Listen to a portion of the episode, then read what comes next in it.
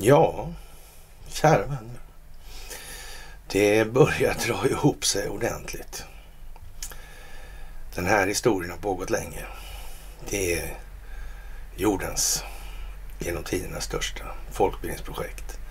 Och det baseras på en stingoperation som nu kommer allt mer i ljuset av verkligheten. Så vi inleder som vanligt med ett par små rader ur någon gammal bok. Eller så.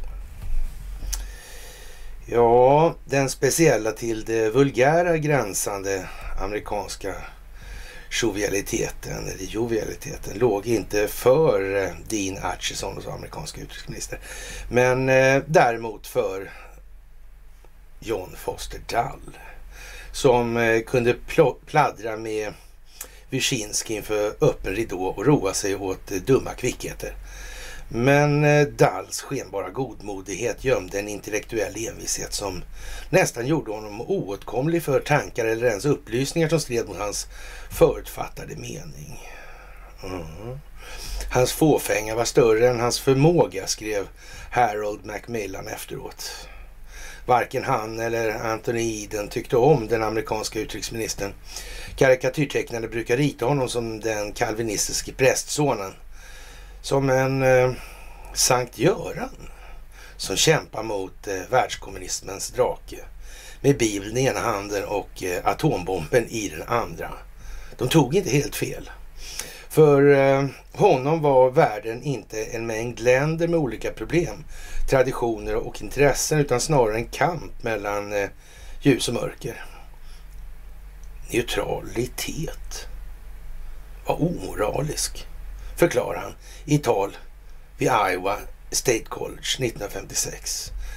Dall hade sin, Dalls hade sin bestämda mening om hur USAs politik skulle se ut på 50-talet.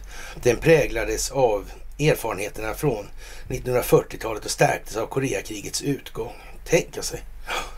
Han hade svårt att inse att nya villkor och nya möjligheter kanske skymt efter Stalins död och kom därigenom att avgörande bidra till att världspolitiken fortsatte i de redan utstakade banorna, alltså i det kalla kriget. En, en större statsman kanske hade funnit nya vägar. Så märkligt. Är det inte det? Det tycker jag. inte alls. Ja, det börjar bli rätt öppet. Många börjar kunna se. Vad är det här för någonting? Vad handlar det om? Ja. Och det är en ny vecka. Och den börjar väl hyfsat intensivt. Ja, densiteten på informationen går inte av för hacker. Vi skriver eh, måndagen den 30 i 5 2022. Och då, kära vänner, då är det dags för ett måndagsmys. Ja, och ni ska ha det största av tack. Det allra, allra, allra största av tack. Ni märker själva hur det här går och håller på att utvecklas. Och eh, man kan väl säga vad vi har postulerat har en eh, nästan obehaglig karaktär av att eh, verka komma i överensstämmande med utvecklingen. Mm. Det glädjer inte alla. Det glädjer minsann inte alla. Det skriks och gormas minsann. Ja. Men vi kommer tillbaka till det här. Mm, det gör vi. Som sagt, ni ska ha det allra, allra största av tack för gåvor på Swish och Patreon. Ni ska ha ett jättetack också för att ni fördjupar er på karlnorberg.se och ni ska ha ett jättetack för att ni hakar på Telegramtjänsten och som vanligt att ni sprider Free People's Movement-klippen. Det är guld värt nu. Och vi slår ett slag för det här lilla Yggdrasil-projektet, alltså i grevarnas tid. Ja, det gäller att plocka upp det här bakom oss också. Och det är viktigt att få med oss folk i det här och då behövs det lite enklare förklaringar. Då kan vi inte sitta med spetsanalyser av den i nu vardande geopolitiken. Det håller liksom inte för människor som inte ens begriper grunderna. Och samtidigt kan inte vi stanna kvar vid grunderna i så motto hela tiden. Vi måste gå vidare annars kommer utvecklingen i alla fall komma som en överraskning och som alla vet så är tur faktiskt bara när omständigheter kommer till förberedelse och inget annat och inget mindre eller större utan bara just det. Som sagt, det största av tack till er alla. Jaha, och vad ska vi säga? Internet glömmer ju inte lika lätt som tidigare har förevarit i människans historia. Det sitter liksom kvar på något vis. Och, och sådana saker som sitter kvar, det är ju sånt som är från 2014 till exempel. Och där, där, kan vi konstatera då eh, hur man uttryckte sig på Sveriges Radio och, och, man kan väl säga att det låter ju inte exakt som det gör nu alltså. För, bara för de fåtalen år sedan eller ja, typ åtta år sedan eller sådär. Men, men ändå. Så, så kan man väl säga att flera svenska deltar i frivilligbataljonen Azov ett förband med nazistiska förtecken som strider mot de proryska rebellerna i östra Ukraina. Nu växer oron för att den drygt 300 man starka bataljonen kan bli ett hot mot den ukrainska demokratin. Carl, Carl Bildt han tyckte inte det alltså då. Han tyckte det var liksom ett rätt så hurtigt och, och, och friskt gäng. Alltså gäng, ja, ja, friskusar kort sagt. Mm. De slåss inte för ett demokratiskt Ukraina. Deras version av Ukraina är en fascistisk diktatur, säger den ukrainske statsvetaren Anton Chekhosov som forskar på högerextrema rörelser i Europa. Ett klipp från en ukrainsk tv-kanal visar alltså bataljonens maskerade mannar ståtandes med gulsvarta flaggor som är pryda med en variant av den nazistiska varghaken. De laddar inför nya strider genom att skandera patriotiska ramser alltså. Ja, på Youtube finns gott om filmer som visar Azovstyrkans framfart. Ett Youtube-klipp visar bataljonens strider i staden Maureopols stadskärna med många döda, även civila som följd. Det här verkar liksom inte, va? Så låter det ju inte nu. Vad konstigt. Alltså vid en särskild insatsstyrka som även har frivilliga soldater från flera europeiska länder, alltså legoknektar. I styrkan finns ultranationalister, högerextremister och nazister. Den har blivit ett fruktat vapen i kampen mot proryska rebeller ja, i landets östra delar, men det finns en oro för att vapnen kommer att användas mot Kiev-regeringen när striderna mot rebellerna är över. Och ja, vad ska man säga? En av de här svenska deltagarna säger så här, det här kan vara grunden till något mycket större. Det är inte omöjligt att den här Kiev-regeringen kommer att falla, säger en av de här svenskarna alltså. När Radio Sweden eller Sveriges Radio når honom på en dålig telefonlinje från Ukraina. En annan avståndssoldat gjorde nyligen en intervju med brittiska Sky News. Nu måste vi strida mot Ryssland och sen börjar nästa revolution att rensa vår regering, sa han då. Jaha. Ja, ja. Även om styrkan är inrättad av inrikesministeriet har man låtit organisationen skötas av aktivister från socialnationalistiska församlingen SNA i ett ultranationalistiskt parti med nazistiska förtecken. Ett stort misstag anser statsvetande och Anton Tjechovsov. Enligt honom ligger SNA bakom flera av de attentat som utförs i Kiev den senaste veckorna mot homosexuella, etniska minoriteter och, och så vidare. Tjechov så är övertygad om att de här attackerna bara är början. Märkligt. Hur har det blivit egentligen med det här? Vad ser vi nu? Vad säger Ryssland? Ja, han är rädd säger han. Han kanske inte för att alltså ska lyckas införa en diktatur, men för att de kan sprida kaos och därmed försvåra byggnaden av, eller byggandet av det demokratiska. Hur har det gått med allt det här egentligen? Var det här en bra idé? Är det korrumperat? Mm. Konstigt egentligen alltihopa. Hur det kunde bli så. Mm. Hur kunde det egentligen bli så ens? ja, det kan man fråga sig. Verkligen märkligt. Oj, oj, oj, oj. Ja, det var då det. Annars så, ja. Vi har hamnat där vi har hamnat och där har vi vad det var då. Och hur blev det alltså? Jävligt konstigt. Och eh, det här blågula skåpet alltså. Ja, ja, vad ska man säga? Alltså någon har skit i det fullt alltså. Nu är det riktigt, riktigt dåligt skulle man kunna säga. Jag, jag tror faktiskt inte att... Eh, ja, det hade nog inte kunnat gå, gå på ett sämre sätt alltså. Och, och, det i sin tur ger väl någonstans vid handen också att det möjligen, eh, kanske, kanske, kanske kan vara planerat alltihopa. Kan det vara så? Kan det vara så att Victoria Nuland och de här klev i en båt som de inte visste riktigt vad det var? Någon hade koll. Någon visste. Mm. Ja. Det kan ju vara så alltså. Det här har ju funnits länge. Det har funnits väl ingrott i väggarna som man säger. Mm. Varför satte man inte stopp för det här? Tänk vad konstigt att Donald Trump inte bara liksom slog helt om. Trots allt det här med Joe Biden. Det är konstigt. Vi kommer tillbaka till Joe Biden. Fan, var i farten redan på 70-talet han. Lustigt nog. Mm. Det här är märkligt alltså. Hur det här har gått till. Helt utan bara, bara blev så. Ja, man vet ju aldrig riktigt faktiskt. Och eh, för att komma till rätta med det här, det handlar ju naturligtvis om det moderna krigets alltigenom övervägande och dominerande faktor, alltså den del som handlar om informationshantering. Och då, då, vet ju vi då att vi måste torka ögonen som vanligt i början här när vi har börjat prata om den anledning. Och eh, ja, så när vi torkar bara vänster öga så kan vi torka den andra sen kanske. Ja, det här med bullhorn, kattlaluren eller stridshornet eller vad vi nu väljer att kalla det för då, jallarhornet. Mm. Medierna, deras roll i det här. Vad, vad de fyller för syfte egentligen och vems syfte arbetar de för?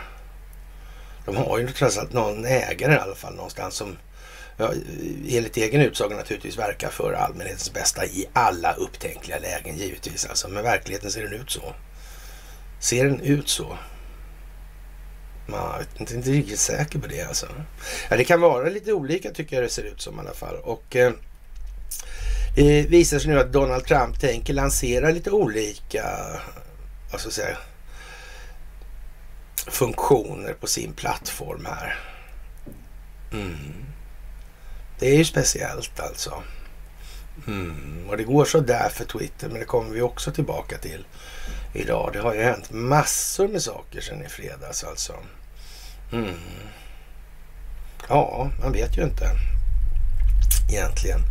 Och eh, ja, Donald Trump har föreställt sig den sociala medieplattformen som ett sätt att återställa yttrandefriheten i Amerika. Och det är klart att techjättarna är ju på något vis en konsekvens av det tidigvarande systemet. Man har låtit det ske på så sätt alltså. Mm, det har man gjort.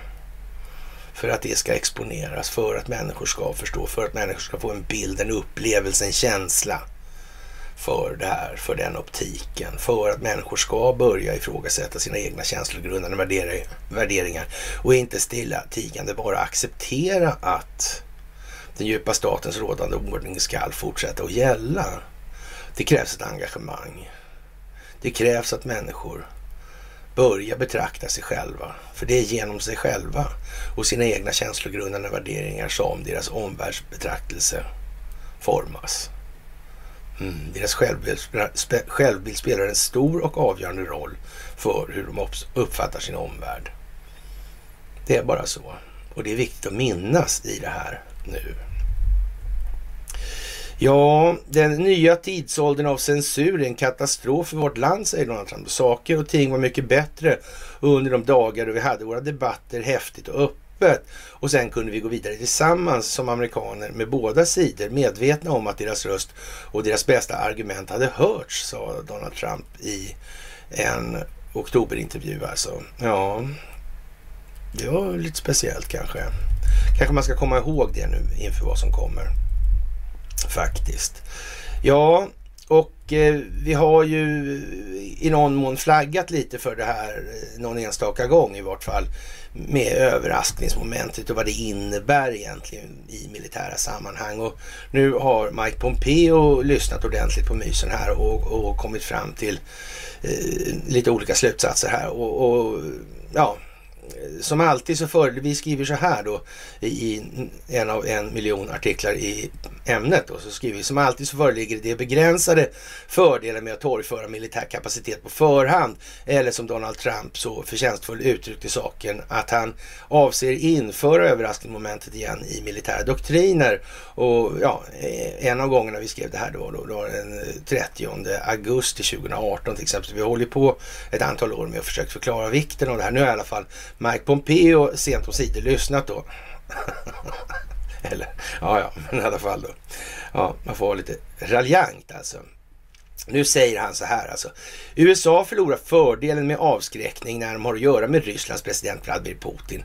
Och måste komma ihåg att västvärlden eller världen iakttar amerikanska agerande överlag, säger då för detta utrikesminister Mike Pompeo.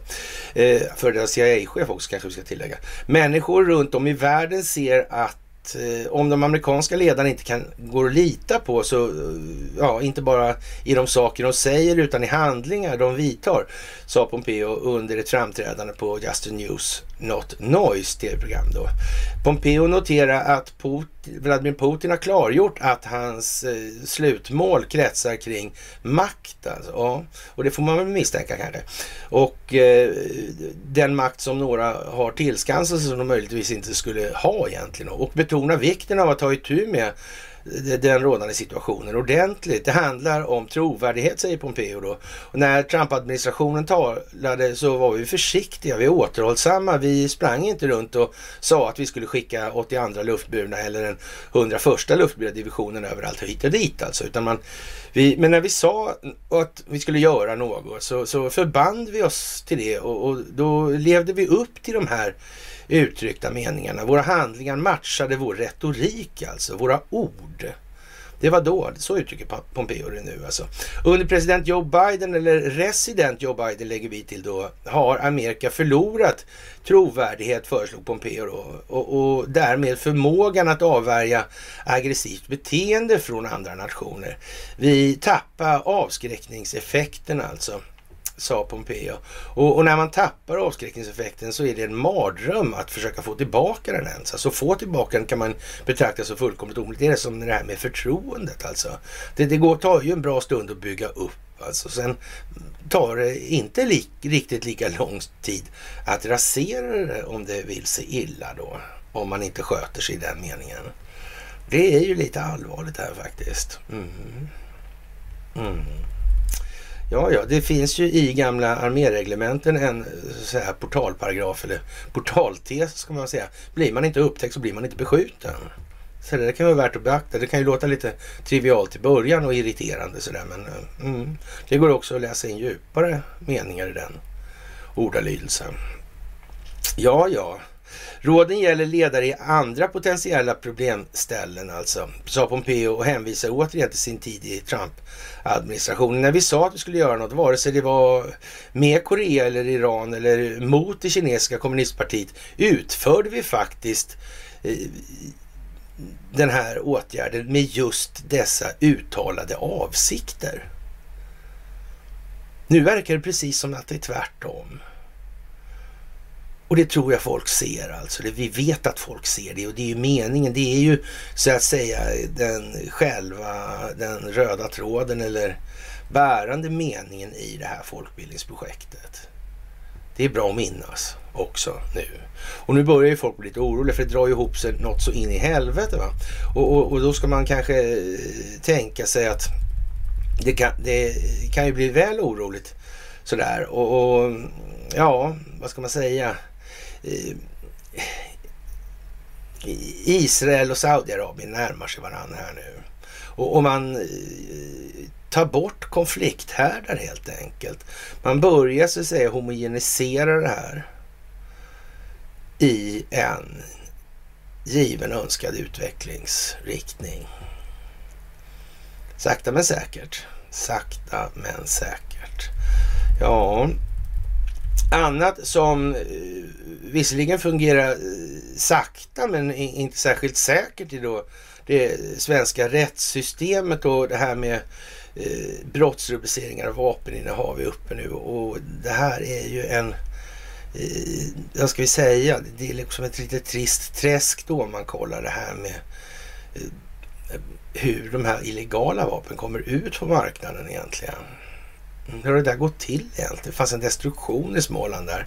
Och, hur kom det sig att det här vapnet som Jack eller Alexander, ett av Alexandervapnen hade varit på destruktion? Sen hade det liksom konstigt nog återuppstått på något märkligt vis. Hur gick det där till egentligen? Ja, som sagt, vi, vi gör ju saker mer ordentligt här i Sverige när vi håller på. I, I, den meningen i alla fall. Det har vi gjort ända sedan Stockholmsbyråkratins dagar och, och säkert ett par tusen år innan dess också. Vi, vi är nu mera återhållsamma i, i vårt uttryck om hur länge det här har pågått. Vi vet ju alla att om vi säger så att miljörörelsen på Rökstenen och så vidare får då ja, akademierna att plocka fram eh, kaniner ur eh, doktorshattarna, miljökaniner noga räknat. Det, det har ju, ger ju lite ett löjets skimmer och möjligen är det väl så att akademin eh, i någon mån är politiserade. Man vet ju inte riktigt ändå. Alltså, det är inte bara militär rättsväsende och journalistik och ja, bankirverksamhet som är det, utan det är tydligen även akademierna. Märkligt. Vill man kanske visa, ja, och så vidare förtjänstfullt det där med rökstenen i alla fall. Det är ända fram i dagens läge nu och petar. Och ända sedan långt tidigare då naturligtvis. En miljard met metamfetamintabletter beslagtogs i östra och sydöstra Asien i fjol, ett rekordhögt antal uppger FNs drogbekämpningsbyrå UNO-DC enligt AFP. Och det här är konstigt med de här drogbekämpningsenheterna och inte minst i ljuset av vilken roll som narkodollarn spelar för den globala ekonomin. Och de här bankerna inblandade i det här, det är ju jättekonstigt. Och de har blivit torskade för penningtvätt hur många gånger som helst. Och det blir liksom inga riktiga påföljder. Och, och då, då, får de ju inte böter för det de inte har torskat för naturligtvis. Och det vore nog eh, förmätet att tro att de har åkt dit på precis allting de har gjort, om vi säger som så. Då. Dummare är, är inte de heller än att de har förmått köpa tillsynsmyndigheter. De här beloppen det här handlar om är alltså substantiella. Så. Mm. Det går att köpa hela regeringar också för den typen av nominella belopp. Det är alldeles säkert. Jaha, och eh, ja, det får man väl tänka sig att det här med tullverksamheten och grejer alltså. Mm, det är märkligt det där att tullen befinner sig inne på enskilda intressens markområden. Att de har etablerat det där så skiter det sig riktigt så åker de ut liksom. Mm. Mm. Eh, det är ju så. Ja, de där avtalen skulle man nästan vilja se alltså. Jaha, och eh, vi har eh, nämnt vid ett enstaka tillfälle att vi anser att eh, den djupa statens kärna i eh, en inte obetydlig omfattning ligger i Sverige och, och ut, ja, så att säga, utmärker sig genom eh, ja, Investorsfären företrädesvis då. Mm, det har vi sagt vid ett enstaka tillfälle. Sådär. Ah, ah, många är ju sura på det där då och säger att det är visst Rothschild och det är eh, Rockefeller och såna här grejer. Men, men nu, då tycker vi liksom att det är nog dags att man visar hur de styr det moderna kriget i dagens läge. Alltså med telekominfrastruktur och, och ja, informationshanteringen och sen de ekonomiska delarna inom bankerna och bankregleringarna och det här också då, och betalningsinfrastrukturen och kontosystemen och alltså hur det här finns överallt i alla länder och hur det har etablerats och hur de här Rockefeller och Rothschild gjorde då när de tog den här kontrollen. Och vi har också sagt att vi har inga, inga som helst problem att acceptera att det under eh, någon tid, någon gång har funnits en eh, så att säga, substantiell påverkan från de här intressena. Men vi kan också konstatera då att tiderna går och den teknologiska utvecklingsnivån förändras. Och, och det är inte brevduvor som gäller. Alltså det här handlar inte om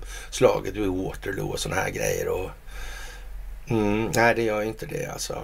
Men vi, eh, och vi tror inte heller på riktigt att det här frimickleriet kan existera utan den djupa staten. Och så där. Men den djupa staten kan existera utan frimickleriet, det är alldeles säkert. Så där. Och behöver liksom inga sådana organ längre. Det var tidigare som skråväsendet spelade en roll. Det var väl på den tiden ungefär vi snackar om. Så. Mm.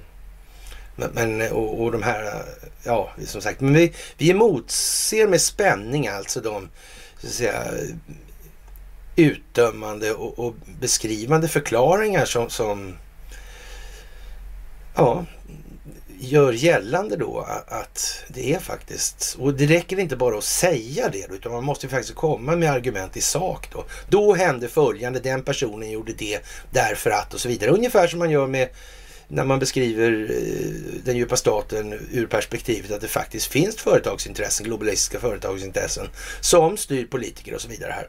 Och ett av de så att säga, sätten som vi har begagnats av det är till exempel det här då att eh, på Peter Wallenbergs senior, eh, senior, senior, gamla alltså. Begravning då var det så här att begravningen hölls i Katarinakyrkan i Stockholm den 4 februari 2015 och deltagare var alltså eh, Karl XVI Gustav, drottning Silvia, kronprinsessan Victoria, prins Daniel, prins Carl Philip, Stefan Löfven, Leif Johansson, Kristina Stenbeck, Per G Gyllenhammar, Maud Olofsson, Karl Petter Thorwaldsson, Annie Lööf, Hans Dahlborg, Claes Dahlbäck, Helene Hellman Knutsson, Magdalena Andersson, Mikael Damberg, Börje Ekholm, Anders Borg, Jan Karlsson, Fredrik Lundberg, Mona Salin, Karl-Henrik Svanberg, Annika Falkengren, Leif Pagrotsky, Mikael Träskov, Jan Björklund, Ulf Adelsson, Lena Adelsson Liljeroth, Per Nuder, Hans Westberg, Göran Hägglund, Fredrik Reinfeldt, Anna Kinberg Batra, Anders Wall, Carl Benett, Hans Stråberg med flera. Och, och, och, man kan väl säga så här, det, det är ju en rätt så, så betydande del av, av den svenska politiska adeln måste man ju säga då alltså. Det, det, det får man, kan man inte sticka under stol med. Och, och, eh, det kan man ju förmodligen misstänka att de har eh, någon form av samröre då eftersom de dyker upp på den här. Det var inte en allmän artist sådär alltså.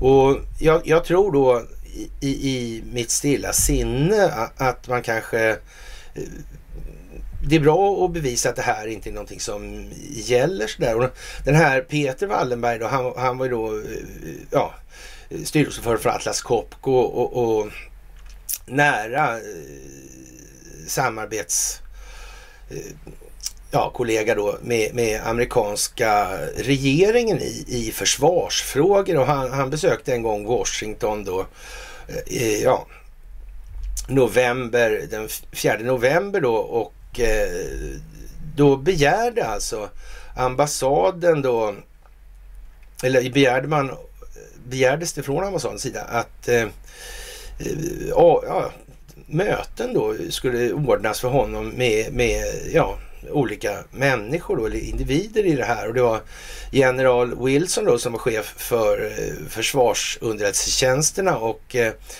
biträdande försvarsministern Ellsworth där och chefen för, eh, ja, ja inte CIA men eh, underrättelsetjänstchefen i, i det här då i försvarsdepartementet då.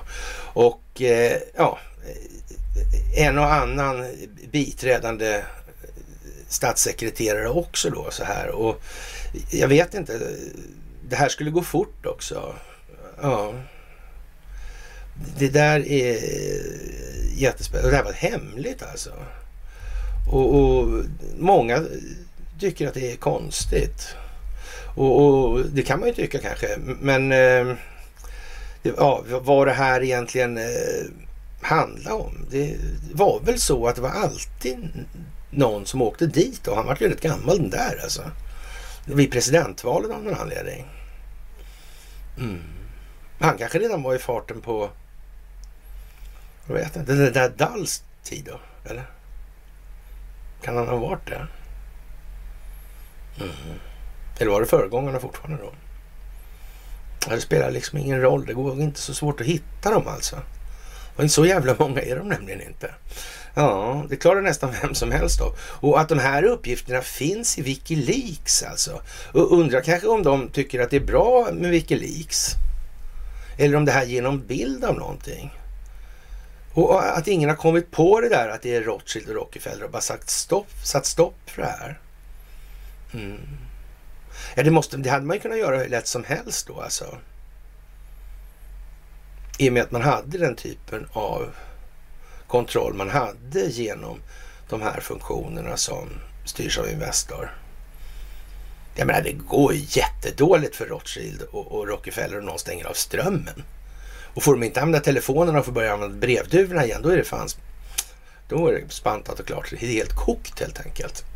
Ja, en konstig grej då i, i de här eh, sammanhangen är, är ju faktiskt eh, att det blev liksom någon form av, eh, ja, den svenska ambassaden har, har ja, fångat upp en eh, historia då i, i det här tidvarven. då så, om, eh, ja, att eh, Joe Biden alltså har gett då Brezhnev ett brev och, och, om det här med Raoul Wallenberg alltså.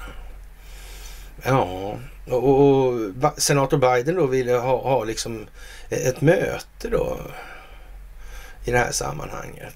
Mm. Jag vet inte, har vi nämnt det där med någonting med den här uh, Raoul Wallenberg-figuren alltså? Det var någonting som Stalin sa. Han sa någonting om att de där, den där informationen eh, fast det var ju inte den här, det gäller ju inte just det här, men det kan ju vara så att man från andra sidan också haft det här. Mm. Och så kan det ju varit någon som har utövat påtryckningar från Biden att man behöver få de här handlingarna för att kunna skademinimera genom opinionsbildning redan på ett tidigt stadium. Ifall det nu är händelse av att det skulle komma någon jävla stolle och, och, och få för sig att så här, vad fan är det här liksom? Så här ska har, inte, har de inte sagt att det är. Mm. Det lär ha varit lite nära där i Washington, där var Washingtonförhandlingarna. Det där med att eh, det där som sades från amerikansk sida att eh, familjen Wallberg räddades mer av det kalla krigets uppkomst än av sin egen förbättrade affärsmoral. Mm. Ja, ja, ja, ja, ja. Mm. Ja, ja.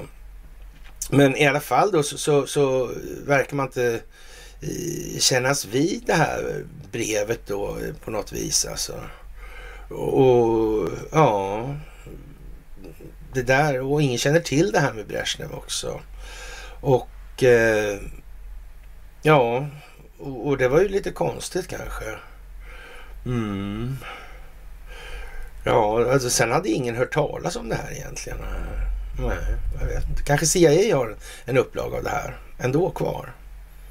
Kanske den djupa staten hade motstånd redan då. Kanske någon har säkrat informationen. Mm. Och gjort det dolt. Det blir ju lite spelen i spelen här nu. Och det kommer att bli mer komplicerat. Mm. Det är ungefär som de här 2000 mulåsnorna. Det visar sig att det är bara ytan. Det är bara lite grann. Vojne, vojne. Ja... Jaha. Och eh, när, ja, på flygplatsen när han skulle åka från det här då, eh, besöket i, i Ryssland då, Biden, så, så ja, talade han om då för Kerstin Affär att han hade planerat att eh, ta upp Wallenberg-frågan privat med Brezhnev om han hade kunnat träffa honom då. Men han hade, fick ju inte det så ja, han, han tänkte att han skulle ta upp det med Gladin istället då och Sukov och på flygplatsen och eh, han skulle ju då vilja, ville då att Sovjetsidan skulle göra det möjligt då för Wallenberg att eh, åka hem då. Han, vet så konstigt, levde han alltså? Ja. Jag vet inte. Eh, 72 sägs det att det här var alltså. Mm. Jag vet inte. Det spelar ju mindre roll kanske så här i efterhand. Det är lite märkligt det här. Det är lite märkligt det där. Att ens uppgifterna finns som i offentliga sammanhang. Mm. Måste ha varit rätt pressat där i Washington. Det måste det ha varit. Ja faktiskt. Eh, mm. Ja, ja. Det är lite speciellt alltså. Och de som var på, gick förbi den här begravningen eh, uppfattade då liksom att det var ett helt galet säkerhetsbolag. Ja, det kan man väl tänka sig. Att om det var internationella eh, spelare där, geopolitiska spelare där så ser vi då att eh, personskyddet på alla de här som vi räknade upp här nyss då. Det måste ju blivit några stycken alltså. Det måste vara en helt otrolig apparat. Mm. Mer eller mindre inkognito också för säkerhets skull. Fantastiskt. Fantastiskt. Hur kan det där komma sig egentligen? Mm. Kan det ha att göra med verka, att verka utan att synas? Möjligen. Men som sagt, vi ser fram emot det här med att få höra hur det här egentligen ligger till med Rothschild och judekonspirationer och allt sånt där. Det, det verkar fint alltså. Mm. Och, och, är det någon som fortfarande tror på att eh, ja, Kent Werne inte är stacklad så ja, då får väl man ta och tänka lite mer på den här grejen helt enkelt. Och eh, ja, som sagt, det är vad det är alltså. Och eh, i analogi med den typen av, av tankeföreställningar då att det, inte eh, det är helt enkelt rymdödlorna som sköter den här ruljangsen nu och, och, de andra är ju bara marionetter då. Ja, då får vi väl nästan eh, säga så här. Han går ut och får någon sorts medicinsk behandling mellan sittningarna, sa den brittiska expionen Christopher Steele, alltså Steele-dossiern-gubben alltså. Tidigare i maj då spionuppgifter i Aftonbladet står så här. Spionuppgifter. Vladimir Putin har tre år kvar att leva. Och, och, de som fortfarande inte förstår att det här går ut på vad vi pratade om i samband med, alldeles nyss, alltså i samband med den här plattformen som Donald Trump har skapat, att det här handlar om jallarhornet. Det handlar om att ta kontroll över informationsflödena i det här och, och se till att de verkar till allmänhetens fromma, alltså samhällets bästa och vidareutveckling. Det är helt uppenbart och det tror jag alla inser att det börjar bli rätt så viktigt alltså. Och när man då som Aftonbladet skriver då, att spionuppgifter då så tar man Christopher Steele då där det här är belagt bortom jag vet inte vad, alltså bakom helt, bort, långt bortom helt jävla säkert. Så, så tar man det och, och jag vet inte. Hur tänker man sig att det ska bli egentligen? Vilka opinionsbildningseffekter kommer? Ja, det här Sassman-fönstret har vi pratat om rätt många gånger. Mm. Ja, och, och, nu har sista rättegångsdagen gått och så har man kommit fram till en massa saker. Och det verkar lustigt nog som att det växer. och, och, och, rent ut sagt skulle man kunna säga så här. Jag sa ju förra gången att någon sliter bort fönstret så kan man inte stänga det. Och nu, nu kan man säga så här att nu ser det till och med ut som någon sliter bort karmarna också.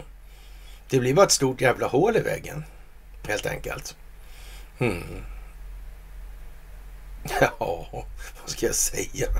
Är, jag säger ju bara samma sak som jag alltid har sagt, eller vi alltid har sagt. Och det är ju trevligt.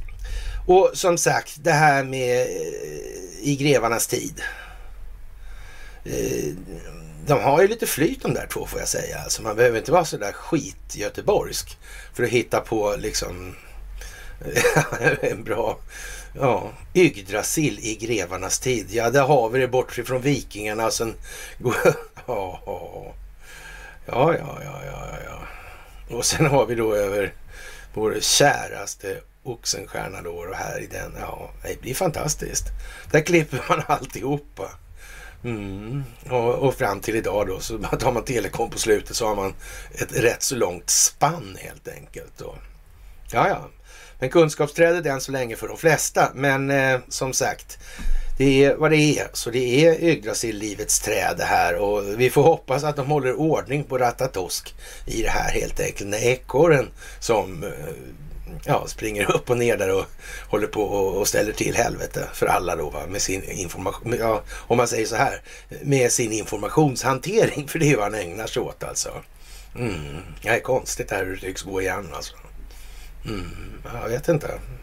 Det är lite speciellt alltså. Ja, och eh, ja, det här med passen är ju, passkaoset är ovärdigt Sverige. Och nu börjar ju faktiskt det bli lite roligt på det viset att människor börjar ju, eller ni då framförallt, men ni som sagt kan inte se er själva som representativa för hela befolkningen ännu alltså. Det är ert jobb att göra så att det blir så däremot. Men eh, så att säga passkaoset är ovärdigt och Sverige undergräver förtroendet för myndigheter alltså. Eh, och det kan man väl eh, säga i, i stans, sann Stockholm-byråkratisk anda att det är ju det är ju inte alls, det är ju perfekt. För de här myndigheterna är ju allvarligt talat inte förtjänat eller förtjänta av något förtroende i den meningen. De har ju hållit på, Stockholmsbyråkratin är ju vad den är i den meningen. Det finns ju inget annat. Jag menar de flesta har ju fattat nu liksom att, att världens första centralbank den kom i, började i Sverige. Och, och sen dök den upp på fler ställen. Var kom det där, den där idén ifrån egentligen? Ja, var gick det först att manifestera det här? Och, och fortsatte man på den bogen sen kanske kom det inte någon form av, av eh, Eh, så att säga, den moderna statsförvaltningen då, den moderna statsförvaltningens fader då, Axel Oxenstierna då, eller, eller som man säger från engelskt håll eller storbrittiskt håll då, när det gäller det här fotbolls och svartspelet där och såna här grejer, bettingen. Och läggmatcher och hela skiten alltså. Mm, mm. De här jävla Stockholmsbyråkraterna har förstört allting i över 300 år alltså. Mm, mm. Eller menar man ingenting med det där? Är det säkert? Det bara blev så. Folk bara sa några ord när professorn. Vilka ord som helst liksom. Så blev det just de där. Ja, jag vet det fan alltså. Och det här är ju konstigt alltså. Eh, ja, vad, vad, ska man säga? Alltså, staten är den enda som kan ge dig ett svenskt pass. Eh, man kan inte vända sig till en annan producent om man rättvist är, är missnöjd med servicen. Passen är dessutom den enda ID-handling du kan använda vid resor utanför EU och ett par nära allierade som Norge och Schweiz. Till alla andra länder krävs ett svenskt statligt pass förutsatt att du är svensk medborgare. Men trots denna monopolställning för ett mycket viktigt dokument för den personliga friheten har staten haft långvariga leveransproblem med pass. Ja, vi, faktiskt, alltså långvariga. Ja, om Stockholmsbyråkratin är sin Oxenstiernas tid så är det ju liksom inte så långvarigt. Det är ju en förhållandevis kort tidsperiod eh, vid en jämförelse. Det måste man ju faktiskt säga då. Och, och ja, det, men det här är ju en hel månad alltså. Och, Eh, man får vänta då. Oj, oj, oj, oj, oj. Men det är en mild bris, en västanfläkt jämfört med idag, säger Lena Lind. då. Enligt polisens hemsida är den genomsnittliga väntetiden för att få ansöka om pass sju veckor. En vecka tidigare var det åtta alltså. Till det ska läggas en leveranstid på pass efter ansökan på fem veckor. En finsk underleverantör uppges ha, underleverantör uppges ha problem. Alltså. Och, och, vad är det här för någonting egentligen? Och vad är det opinionsbildningsmässiga budskapet? Vad är signalvärdet, värdeladdningen? Vilken opinionsbildningseffekt söker man med det här? Det är ju någonting som är kategoriskt fel alltså. Mm. Det där kan inte skötas rakt igenom av en statlig myndighet med någon form av direktiv värda namnet. Det finns ju inte på en karta. Då, då har ju tillsynen av det här brustit så det bara räcker. Då måste man kunna utkräva ansvar. Nej visst, nej, du har inget tjänstemannaansvar. Nej, det tog man bort på 76. Ja, ja. Mm. Ja, ja. Ja, jag vet inte varför. Och, och det här är ju otroligt konstigt då med, med avseende att i Ukraina just nu, där vi har tre stycken särskilda ambassadörer för utveckling av ekonomi och demokratifrågor, där kan man eh, göra det här betydligt snabbare. Hur kommer det här sig? Egentligen? Jag vet inte. Ja, ja, men det måste bli tydligt alltså. Det är det som är själva prylen här nu. Jaha, Sverige, Finland och Turkiet är ju ett bra gäng att snacka om naturligtvis. Och eh, jag vet inte egentligen om, om, om det blir så mycket mer komiskt än vad det är nu. Och eh, det är rätt så komiskt i alla fall. Och eh, det här med Sveriges terroristfinansiering då. Det verkar vara lite som, som militära biolabb i Ukraina och sådär. De vill inte riktigt försvinna bara sådär enkelt. Det verkar sitta i alltså på något vis. Det är många saker när det gäller Sverige som sitter i helt enkelt. Och, och det är det med Riksbanken och, eller centralbankerna sitter fortfarande i. Det är också konstigt alltså. Jaha, Sverige och eh, Finland har ännu inte tagit tag med Ankaras säkerhetskrav, säger president Erdogan. Turkiet kommer inte godkänna Finland och Sveriges ansökningar om att gå med i NATO förrän de ordentligt tar, tar itu med Ankaras oro över deras påstådda stöd till terroristorganisationer, säger då Recep Tayyip Erdogan och, och lovar att inte upprepa tidigare begångna misstag i den saken. Va? För så länge som Tayyip Recep Tayyip Erdogan är republiken Turkiets överhuvud kan vi definitivt inte säga ja till länder som stöder terrorism som går in i NATO, sa den turkiske ledaren till reportrar när han återvände från en resa till Azerbajdzjan enligt statliga medier på söndagen igår. Alltså. Delegationen från Sverige och Finland träffade sina turkiska motsvarigheter i Ankara för samtal förra veckan efter de nordiska nationernas gemensamma ansökan att gå med i den USA-ledda militäralliansen. Deras anslutning kräver enhälligt, enhälligt samtycke från alla 30 medlemsländerna och Turkiet har hotat att blockera processen om inte de två länderna slår till mot grupper som de anser vara extremister. Och, och ja, vem vet alltså vad det här kan bli för någonting. Och, och som sagt, det var ju någon som lyfte idén om att Turkiet kanske det var ingen idé för Turkiet att vara med i det här. Man vet ju inte. Och, och, ja, vem vet vad det här kan utmynna i för någonting. Vi får se, vi får se. Ja, de är inte ärliga eller uppriktiga, så Erdogan om samtalens resultat hittills. De vidtar inte inga, nödvändiga åtgärder. De tillåter fortfarande terroristerna att gå fritt på Stockholms gator och ge, ge de här säkerhet genom sin egen polis då. Vi, vi kan inte upprepa samma misstag som vi gjorde tidigare mot dessa länder som skyddar och matar de här terroristerna, tillade han. Och eh, gjorde en liten hänvisning där som vi kanske ifrågasätter lite grann och, och vi utvecklar den tanken här alldeles strax. Och han hänvisar till en separat långvarig fejd mellan Aten och, och om Cypern och eh, ja, och, och påminner om hur Ankara 1980 tillät Grekland att återvända ja, efter dess partiella tillbakadragande ur NATO. Mm. Jag vet inte. Ja. Eh, det kan ju vara så att man minns någonting annat också. Kan det vara så att Recep Tayyip Erdogan har öppnat en historiebok en gång? Vi har påpekat den kanske vid några tillfällen. Fler än vad vi kommer ihåg till och med. Mm, garanterat. Ja. ja. Kan det vara så att Recep Tayyip Erdogan har klart för sig att man, man från turkisk sida fick en ny turkisk medborgare en gång i tiden?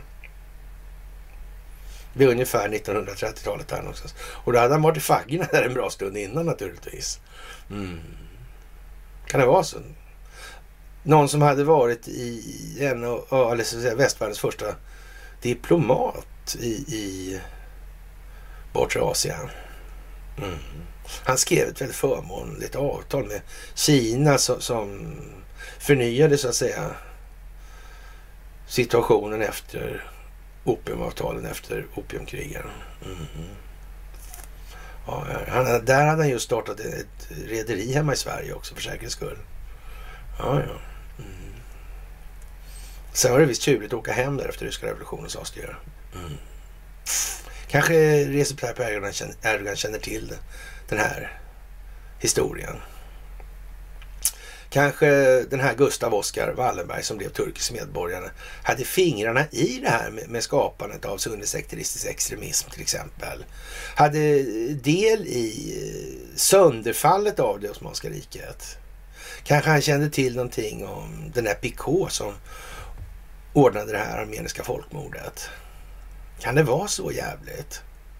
Jag vet inte. Hade de telefoner i Turkiet någon gång tror du? Oh. Jag vet inte. Ja, kan vara som det är alltså. Jag, jag tror han känner till det här med Turkcell faktiskt och Vodafones kärnteknologi. Jag vet inte. Och om det kan vara så. Han kanske har missat det. Underrättelsetjänsten kanske också har missat det. Allihopa. Varenda en. Mhm. Mm -hmm. mm. Mm.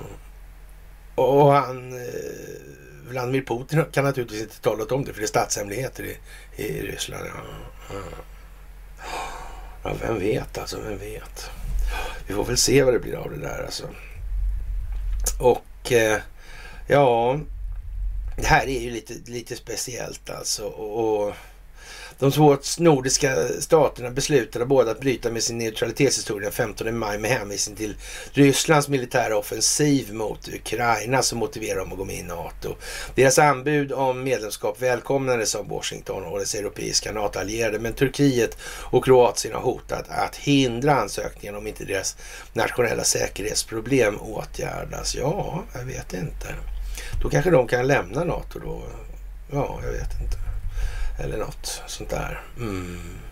Moskva har kallat Sveriges och Finlands ansökningar för ett allvarligt misstag med långvariga konsekvenser, men har förklarat att deras NATO-strävanden fortfarande var mindre oroande än Ukrainas, vars potentiella territoriella anspråk skulle kunna utgöra stora risker för hela kontinenten om det var så. Och de accepteras i NATO, eller, ja, Atlantpakten då. ja. Turkiet har intagit en neutral hållning i konflikten, säger man, och upprätthåll, upprätthållit förbindelserna med både Ukraina, Ryssland och vägrat att ansluta sig till västerländska sanktioner mot Moskva samtidigt som de strävar efter att ta rollen som medlare i konflikten. Den turkiske presidenten har meddelats samtal med både Ryssland Rysslands president Vladimir Putin och hans ukrainska motsvarighet Vladimir Zelensky för att uppmuntra de två parterna att upprätthålla kanaler för dialog och diplomati. Och det här är ju naturligtvis, eh, ja, vad är det här? Vad ska det spelas upp mot? Det får vi se helt enkelt. Och ja, det, vad som ligger i farans riktning börjar ju bli rätt så uppenbart alltså. Och eh, vi har ju sagt då också att det här kommer ju så att säga slå fart också då. Det kommer slå in i, i form av Ukraina. Men det kommer ju ta en ordentlig fart och hastighet då när eh, ja, den internationella interferensen i det amerikanska presidentvalet 2020 exponeras i ljuset av verkligheten. Och det blir ju lite konsekvenserna av nu när man säger att vi har alltså internationella interferenser i det här. Och, det är internationella spelare och på global, ett globalt plan som har hållit på och varit insyltade i de här sakerna. Mm. Och, och var det lämnar den svenska regeringen och eh, svenska företagsintressen, det är ju lite grann skrivet i stjärnorna än så länge alltså. Det, det lär ju bero på hur mycket man samarbetar om vi säger som så. Och svensk dumhet lär man ju kunna hävda i rätt så långtgående resonemang här. jo då, det kommer nog vara.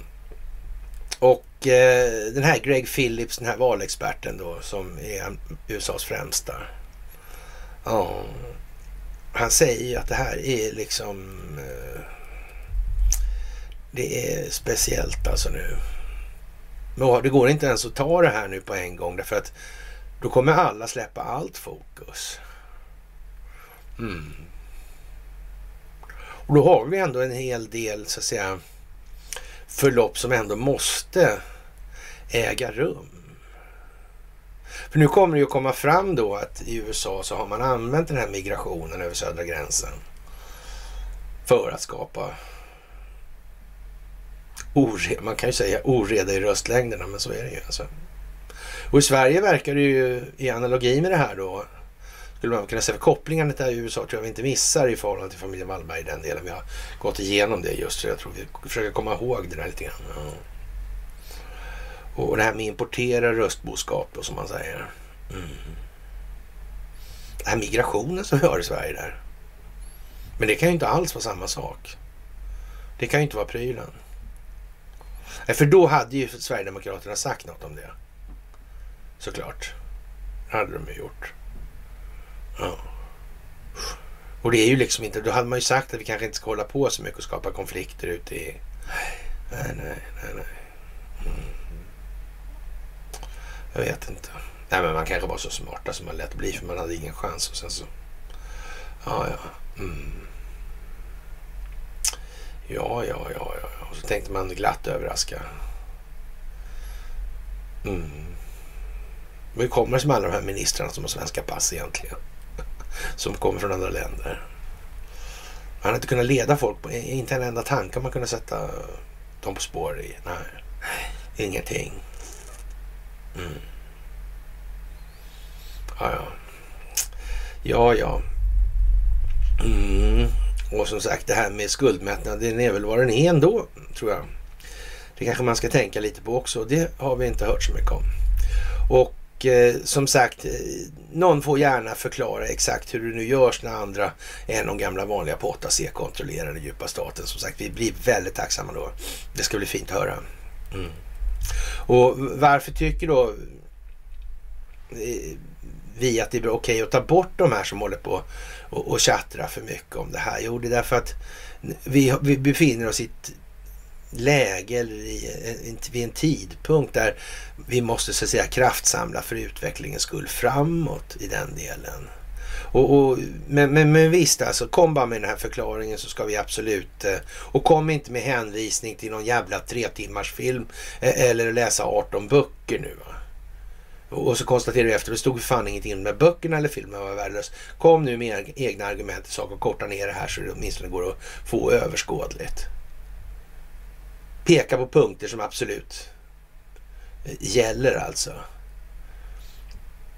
Och inget jävla dravel från alternativrörelsen hit eller dit heller. Det, så att säga, det finns sakliga grunder, det finns öppna källor och allting så. Så det, det är bara att korstabulera fram det här. Och, och, det är ju oerhört konstigt att ingen har lyckats göra det ännu om det nu är så. Som en del påstår. Tack och lov allt färre om vi säger som så. Det får ju finnas gränser på dumheten liksom. Jaha. Och eh, EU kommer att Eh, ja, jag vet inte. Har vi sagt det någon gång kanske? Enigheten som EU visade efter efter att Ryssland inledde sin offensiv i Ukraina börjar smulas sönder, sa Tysklands ekonomiminister Robert Habeck på söndagen igår. Alltså. Varningen kommer inför blockets toppmöte för att diskutera ett nytt sanktionspaket mot Moskva och ett potentiellt oljeembargo. Efter Rysslands attack mot Ukraina såg vi vad som kan hända när Europa står enat. Med tanke på att topp, på toppmötet imorgon, alltså idag, får vi hoppas att det fortsätter så här. Men det börjar redan smulas sönder och smula sönder igen, sa Habeck på en presskonferens igår. EU har kämpat för att komma överens om att införa oljeembargot mot Ryssland med, med flera medlemsländer som uttrycker oro för att åtgärden skulle bli ödesdiger för deras ekonomier. Ungern som tar emot det mesta av sin olja från Ryssland har varit det mest framträdande, den fram, mest framträdande motståndet till embargot och, och jämför den potentiella effekten av ett fullständigt förbud med en atombomb passande nog. Och liknande farhågor över embargot har framförts av andra eh, stater också, nämligen Tjeckien och Slovakien. Och ja, det, det är ju liksom Eh, Eh, tidigare i veckan gav EU-kommissionens ordförande Ursula von Leyen, eh, eh Ursula von der Leyen alltså, eh, en förklaring till varför EU fortfarande fortsätter att köpa rysk olja. EU kommer inte godkänna ett fullständigt ryskt oljeembargo. Om vi helt omedelbart från och med idag skulle stänga av den ryska oljan skulle Rysslands president Vladimir Putin kanske kunna ta oljan som han inte säljer till EU till världsmarknaden när priserna kommer att stiga när han då i så fall eh, ökar utbudet på marknaden. Okej. Okay. Ja, ja, och, och, sälja oljan för mer pengar alltså. Det skulle fylla på hans, eh, ja, eh, krigskassor alltså, säger von Leyen i en intervju med MSNBC. EU-diplomaterna har enligt uppgift då försökt att komma på en kompromisslösning på dödläget för sanktionerna vilket kickstartat embargot med att förbjuda leveranser av rysk olja till sjöss samtidigt som de undantar rörledningar från de potentiella restriktionerna. Försöket har dock tydligen misslyckats och EU-länderna är nu inställda på att försöka komma överens om restriktioner under toppmötet som är planerat till måndagen och tisdagen idag och imorgon. Då, då. Och, och, som sagt hur det ska gå för det här EU-projektet som är ett CIA-projekt det eh, tror jag vi har uttryckt det tydligt nog om faktiskt. Jag vet inte. Det verkar som att de här EU, eh, e eh, NATO, Israel verkar... ja, ja, ja, ja, ja. Nej, men det verkar väl så. Det är lite trevligt.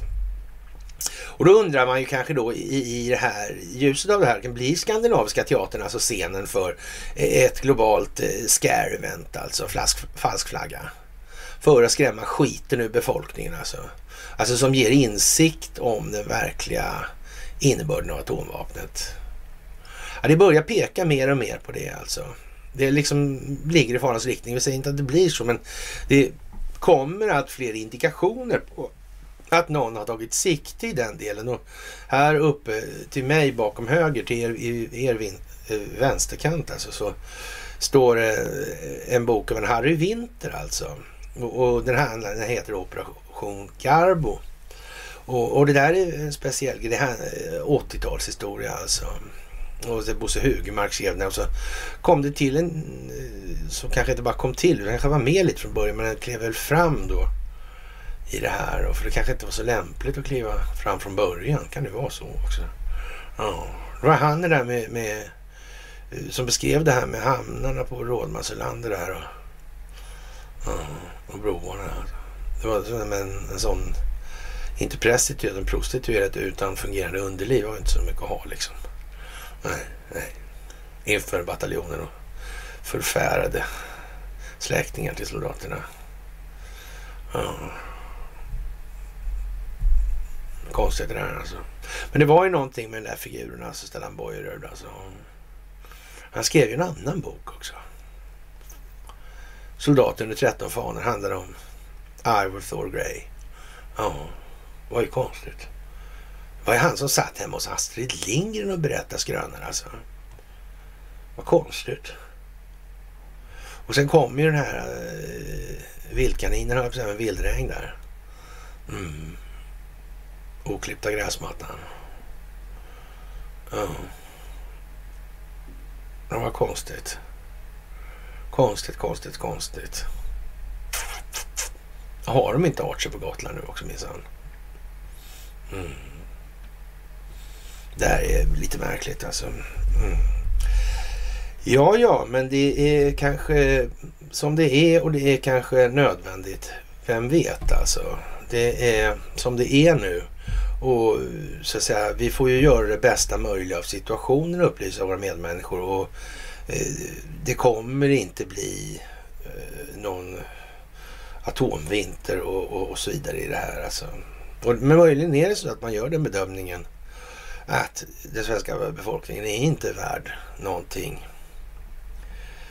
annat än att lära sig the hard way, alltså den verkliga meningen av lidande som en gång Vladimir Putin uttryckte sig om i de här sammanhangen.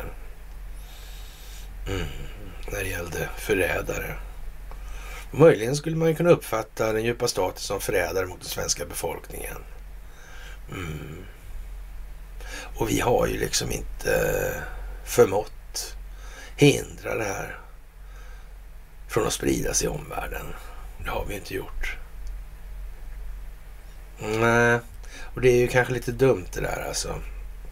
Ja, ja, lite nukleär aska har väl ingen bankverksamhet dött av, säger någon Håkan Åkerdal, lite snusförnuftigt. kan ju dra det som man vill. Så är det ju naturligtvis, det ska man inte heller sticka under stol med. Cirklarna sluts i alla fall och det lär vara ett i till utslutande delar och främst ett psykologiskt event i det här. Alltså det tror jag vi kan vara i alla fall eniga om. Och det är ju kanske skönt att veta. Och det här med att bli känslostyrd, det är liksom inget nödvändigt plus alltså. Så det är lite av kvintessensen i resonemanget alltså. Och eh, vem vet, det kanske är epicentrum i Norrström alltså. För regnar det på City of London så droppar det ut i Norrström, alltså som Karl Gerhard sa. Det kan ju vara så. Mm. Och, och sen gick det här överstyr alltså. Mm. Det var ju City en gång alltså. Och det var nog Rothschild en gång. Kanske till och med var så att det var väldigt, väldigt mycket makt så där ensam på banan. Så, så kan det också ha varit. Men, men det hjälper inte i det här när man så att säga har pilbåge och sen börjar de andra komma med Gatling Guns alltså, eller kulsprutor. Det, det, det, det går dåligt alltså. Jättedåligt. Det, det blir inget bra alltså. Och som sagt, slutpläderingarna är klara. Och eh, det väntas alltså dom i det här Sassman-caset alltså. Då. Och eh, ja, det spelar ju knappt någon roll egentligen. Blir han fälld så är det ju så att säga rätt mycket som sätter fart direkt alltså. Mm. Och, och pålag, eller så att säga, påföljderna kan man inte förvänta sig bli så stora. Det är, det är nog inte meningen heller i den delen. Utan det ska nog fortfarande, fortfarande jagas en hel del individer i det amerikanska rättssystemet. Det är inte bara det svenska rättssystemet som är genomkorrumperat. Så är det ju inte. Vi har ju inget, inget så ingen konstitution som amerikanerna har. Så, så, vi sitter naturligtvis bra mycket sämre till. Alltså vi har ingen som har tänkt till för det allmännas bästa. Att delstaterna är lagstiftande sådär och, och den federala eh, myndigheten är liksom ingenting som egentligen gör något annat än exekverar det som är övergripande då. Mm. Sådär alltså, men de ska inte lägga sig i delstaternas lagstiftande verksamhet. Sådär.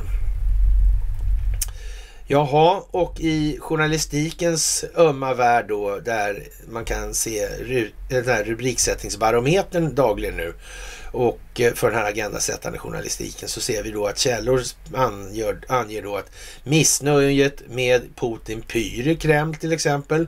Frustrationen uppges växa både hos de som är för och emot kriget. Eh, expert säger så här att, eh, en annan artikel då, missvisande tro att Ukraina håller på att vinna och, och, det måste ju gå lite dit också. Samtal med Sverige, eh, inte på en önskad nivå säger Erdogan då och Lavrov förnekar rykten om att Putin är sjuk. Vi börjar ju kunna se en viss kursändring även i rubriksättningarna nu. Alltså signalvärdet är lite annorlunda för väldigt många människor så är det ju så att man läser ju bara rubrikerna och, och de läser bara rubriken och sen får det stanna med det då i det här. Så rubrikerna, rubriksättningarna är oerhört viktiga alltså. Och eh, ja, det är så. Eh, ja, ett parti med sin huvudfråga som behandlas på en världskonferens i landet, alltså det är miljökonferens den här veckan i Sverige och i Stockholm då, i landets huvudstad som har knappt mätbart förtroende hos väljarna. Det gäller Miljöpartiet alltså. Ja, det kan ju bara handla om Sverige. Och, och makten är ju då framför allt det som gäller i egennyttans tecken givetvis. Alltså, de har ju liksom inte kommit på det här med Eh, regleringen av älvarna riktigt. De har inte greppat det där riktigt med, med, vindkraftens verkliga effekter och så vidare. Och det här med kärnkraften, det verkar ju inte heller ha gått hem riktigt. Så frågan är, vad egentligen har de där hållit på med? Och vilket syfte? Jag menar, kunde man köra de här äh, små modulära re reaktorerna så skulle ju naturligtvis väldigt mycket förändras. Och dessutom skulle då utbudet på oljemarknaden ökar dramatiskt och priset skulle falla. Det är så alltså. Man skulle få fler enheter olja per valutaenhet i så fall. Inte tvärtom som man trodde tidigare här uppe. Eller, det, det där är Ursula von Leyen där alltså. Med. Uh, uh. Det är konstigt det där alltså hur, hur, liksom, hur flagrant man chansar så att säga på att folk bryr sig inte om att tänka och se efter. Nu säger de det rakt ut alltså. Ljuger rakt ut. Det är bara så. Det är liksom inget annat. Mm. Jaha. Och jag vet inte vad man får säga om Miljöpartiets situation. Hur mycket valfusk har det funnits här egentligen? Hur mycket har det här liksom i, i röstlängderna blivit manipulerat i Sverige. För är det så att det här har manipulerats så in i helvete i USA så kan vi vara helt säkra på att det kan inte ha gjorts utan medverkan av operatörerna av telekominfrastrukturen. I så fall så behöver vi inte söka så särskilt länge för än dess att vi så att säga finner på samma problematik i det här landet. Och Valmyndigheten, skulle någon ha kommit på den briljanta idén att korrumpera den och kontrollera den?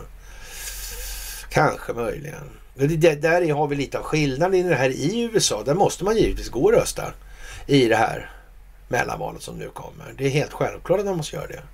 Men vi har ju liksom inte samma, om vi, om vi kallar det som så, framträdande kampanjande för att rätta till valprocessen i Sverige. Den har ju liksom inte kommit upp än den frågan. Det är ju så. Och om den ska komma upp så bör den ju i sådana fall komma upp rätt långt, eller i god tid i vart fall, till i förhållande till valet, alltså den 9-11 då. Ja, I det här fallet. Mm. Det är passande i, här, i år också. Ja, kriget mot terrorismen och så går vi bak ända till Gustav Oskar i mm, tiden med skapandet av sundhetsekteristisk extremism och så vidare. Är det inte fantastiskt egentligen det här? Verkar liksom som det sitter ihop på något jävla vis. Ja, och det verkar Recep Tayyip Erdogan. Den här bilden alltså med de här fyra lirarna och, och den där Globen alltså. Fan, det verkar ändå ligga något i det där tror jag. Men det kan vara fel. Det kan vara helt fel. Vi kan ha skjutit bort oss totalt. Ja, kanske det. Det lär ju visa sig i så fall. Ja, och som sagt, på temat troll som vill prata om annat än Investor och så, och så Bidens verksamhet och, och, och vad samröret med Ukraina alltså i det här. Det, det, är ju lite konstigt alltså. Och då måste det finnas även på lägre nivå de här som upprätthåller den här kulissen för, för att eh, folkbildningsprojektets dramaturgi ska få liksom en levande optik och karaktär. Det måste fortfarande finnas de som skriver vilka jävla idiotgrejer som helst. Alltså då finns det en Teresa Kyschler på Svenska Dagbladet som har fått den rätt så otacksamma uppgiften att framstå som, jag vet inte vad man ska kalla det för. Och ja, det, det, det, är ju, nu är det synd alltså om alla de här som har hållit med Putin då i, i olika sammanhang. Det håller på att gå helt åt helvete för dem alltså. Och, och vad ska man säga, alltså Putinkramarna kravlar i stoftet alltså. Teresa Kyschler i Svenska Dagbladet och jag vet inte hur egentligen man ska, man ska lägga så mycket tid på det. Man kan ju konstatera då i alla fall att, att, att behöva skriva sån, sånt nu. Det, ja det pekar ju kanske inte på att man har presterat en eh, i ögonfallande moralisk storhet tidigare då. Det verkar, eller också har man ju verkligen gjort det och, och kommer att bli försvarad för det också i så fall. Men, men, men, så här rakt av bara så kan vi i alla fall konstatera att det, det ser nog nästan ut som att man ligger lite dåligt till i det här läget. Vill jag nog påstå. Eh, omvärlden kommer i alla fall uppfatta det vederbörande ganska snart som eh, i, ja, tämligen lättfotad i den moraliska meningen om man säger så. Och i det praktiska handlaget jämför med, i förhållande till vad man uttrycker då i medierna som man jobbar i. Ja, sådär. Och, och ja, jag vet inte, det är liksom trist att konstatera att det ska behöva vara så jävla illa, men ja, Putin har hållit sig med vänner från underhållningsbranschen som den franske skådespelaren Gerard Depardieu och den amerikanska actionfilmhjälten Steven Seagal. Alltså. Depardieu blev heltidsmedborgare i Ryssland för ett decennium sedan och har setts både dinera och sjunga tillsammans med Putin på extravaganta societetsfester i Moskva. Nu har han eh, varit snabb med att fördöma kriget och understryka att hans varma känslor för Ryssland framförallt har med kulturprofiler som Dostojevskij, Tolstoj och Gogol, Tchaikovsky och Prokofjev att göra, inte Putin. Ja, och eh, det, det, kan man väl kanske tänka sig att Depardieu är lite sådär. Eh, Steven Seagal däremot, han eh, stödjer fortfarande sin vän och firar sin 70-årsdag förra månaden i Moskva. På festen var flera av presidentens närmaste, bland annat chefredaktören för Kremls propagandakanal Russia Today, Margareta Simonian och så vidare. Han var, var, bland gästerna i det här. Och, ja, vad ska vi säga? Det, det går ju liksom inte att, att, ta miste på vad det här håller på att handla om. EUs sönderfall i den meningen då. Vad, vad, de här supportrarna då. Om vi nu leker med tanken att det är faktiskt så att eh, Vladimir Putin vet vad han håller på med, eh, västerländska medier eh, förmedlar en, en bild av verkligheten som stämmer väldigt dåligt med vad som faktiskt gäller. Ja, men då är det väl som det är kanske i vad som kommer. Då blir väl inte det här med EU så där jättebra. Eller möjligtvis kan man ju se det så här också då. att Man kan ha kvar EU i sin nuvarande tappning då fast använda den på ett helt annat sätt skulle man ju kunna tänka sig då också. Men då är ju som sagt inte tappningen riktigt samma sak. Då ska det användas omvänt istället. Ja. För att understödja de krafter i respektive länder som faktiskt håller sig med en verksamhet som handlar om att beskriva verkligheten. Så skulle man kunna säga också. Och eh, som övergripande organisation så är den som allt ledarskap borde vara, eller ledarskap egentligen är till sin funktion och karaktär. Själveliminerande. En ledare skapar ledare. Till slut man skapar så mycket ledare så behövs inte längre. om EU i akt och mening var någonting annat än vad det är idag så att säga. Men om det verkligen vore, då skulle det inom en kort tid eller i alla fall inte oöverskådlig tid göra sig själv onödigt. Det skulle vara någonting som skapar kommunikationskanaler länder emellan. Det skulle inte vara en övergripande förvaltning som ja, växte och växte och växte och bara blev större och större och större med girigare och girigare, mer och mer giriga människor. Nej, det skulle det inte vara. Det är ju konstigt att det är så svårt att förstå det här enkla. Det är samma med ledarskap. Vi ska ha ett land, vi ska inte ha någon ledning. Men lycka till då. Men eller hur? Liksom, alla blir snälla från måndag till tisdag liksom. Det är den här höjningen, dimensionshöjningen här liksom. Alla fattar allting. På. Nej, så kommer det inte att bli. Det är helt säkert att det kommer finnas grisiga jävlar kvar. Det har alltid funnits det. Det kommer alltid krigsherrar, de som är bättre på att bilda liga än andra. Och de kommer alltid köra över. Det kommer inte funka. Vi bör inte skrota polisen det första vi gör, för det kommer någonting annat istället i så fall. Det är helt säkert. Mm. Men målsättningen måste vara att eliminera, göra sig själv obe, obehövlig som ledare. Att göra så att andra kan leda sig själva. Alltså ledning till upplysning.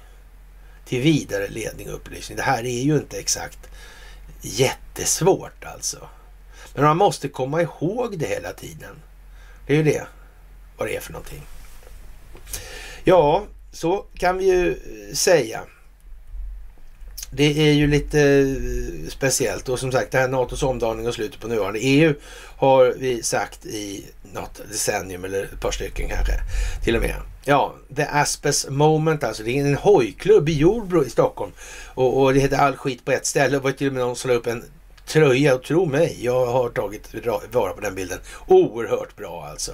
Och, och som sagt, de här SMR-erna kommer kunna sänka efterfrågan på kolväten och därmed drivmedelspriserna win-win för miljön med andra ord. Och det handlar om larmet, alltså det är väldigt allvarligt läge för elförsörjningen då i dagens industri. Och Karlshamnsverket är den sista li livlina för elförsörjningen. Den går ju alltså på olja då i det här sammanhanget. Och, och, det är inte någon liten del globalt sett som handlar om så att säga kolvätedrivna kraftverk.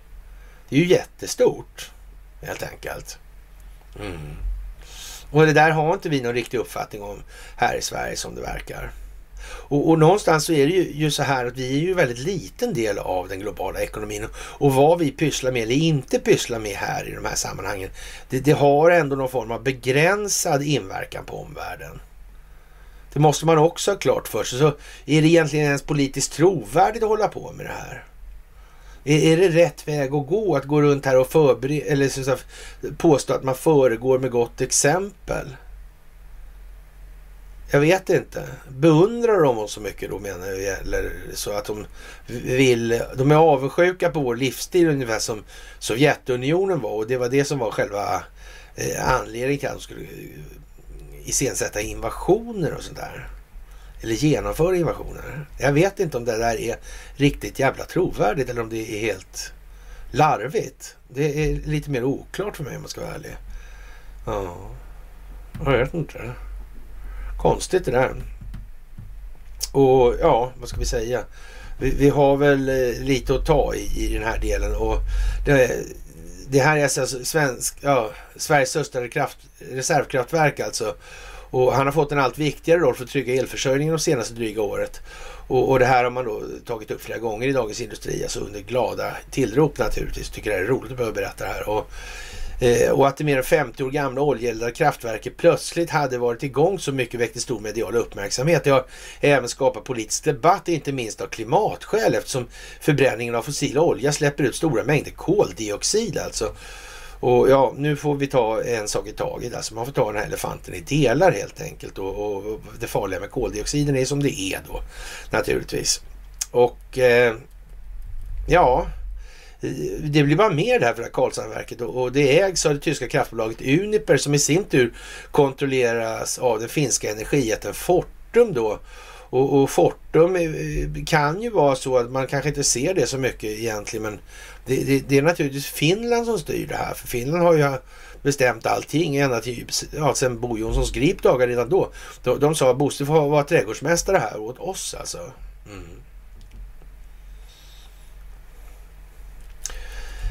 Ja, men lite så va? kan man väl säga. För vår del är det här dubbelbottnat, säger den här Henrik Svensson. Och å ena sidan är vi stolta över att kunna bidra till att trygga elförsörjningen. Men med tanke på hur allvarliga konsekvenserna blir av större störningar i elförsörjningen eh, men samtidigt är vi väldigt bekymrade eftersom vår ökade produktion är ett symptom på att elsystemet inte är i gott skick alltså. Och, och, det är främst självdestruktiva politiska beslut. Alltså man, på något vis gör han gällande här alltså att det, man försämrar alltså utgångsläget. Det måste ju vara det som är det här självdestruktiva ändå. Det måste ju vara så man to kan tolka det. Och det, det verkar vara en absolut grej alltså då. Uh, självdestruktivt, det är någonting dåligt låter som. Det är någonting förstörande av sig själv alltså. I det här alltså. Ja. Det började med den framtvingade nedläggningen av Barsebäck. Men situationen blev riktigt allvarlig först efter stängningen av de två reaktorerna i Ringhals. Där ju bland annat höjningen av effektskatten bidrog till avväxlingsbesluten. Säger Henrik Svensson. Men hur, hur kan det vara så att statligt drivna verksamheter drabbas av det här? Det är ju jättekonstigt. Alltså vad ska syftet med energiproduktionen vara egentligen? I akt och mening. Miljöeffekterna bärs av samhället så. Nyttoeffekterna ska tillfalla. Är det här svårt? Jag vet inte. Men många tyck, tycker om att göra det här till någonting annat. Ungefär lite som eh, bankprosa kanske. Ja, jag vet inte. Sådär ja. Mm. Och för att lösa den bristfälliga elförsörjningen i södra Sverige krävs nu främst politiska beslut, hävdar den här då. För att klara, ta, prata klarspråk så måste politikerna kliva ut ur sandlådan och fatta långsiktiga beslut som stärker elförsörjningen utifrån rent fysiska och systemtekniska behov. Och det är väldigt bråttom med tanke på att det tar lång tid att få ny elkapacitet på plats. Ja, jag vet inte ja. Det där är ju väldigt konstigt alltså. Och eh, Ja, det är ju lite speciellt alltså. Det är ju lite konstigt att det kan bli så här. Men, men hur ska vi få människor att förstå det här då? Ja, det gäller att ta de pedagogiska vinklar som passar i varje enskild situation till varje given individ. Det är ju det som måste till. Och då är det som jag sagt tidigare, hur tråkigt det än är för er så, så kan inte jag göra det med alla människor. Jag kan inte ha enskilda samtal med hela befolkningen. Det kommer inte att fungera. Och, och jag, hade trött, jag tröttnar på vägen, helt garanterat och faller död ner eller något sånt där. Och, och, det skulle många säkert uppskatta. Men så roligt ska vi inte ha det helt enkelt. Utan nu ser vi till att skaffa fler ledare som hjälper till med det här. Och, och, där fyller ni en central roll nu vill jag påstå. Det är bara att stå på nu alltså. Jaha, jag ställer i en tråd ställer den retoriska frågan vem är Harry Winter? Det alltså handlar uppe med Operation Garbo. Och det här handlar alltså om, ja vad ska man säga? Eh, mm, vad som kommer i det här. Det är, ja, stora grejer alltså. Mm. Det är folk med realism i blodet som det här kommer kräva. Folk som inte är blyga för att ställa sig upp. Folk som inte är rädda för sig själva och sina egna känslogrunder och värderingar folk som så att säga kan ta en smäll och gå vidare i det här. Resa sig upp och gå vidare. Det är speciellt.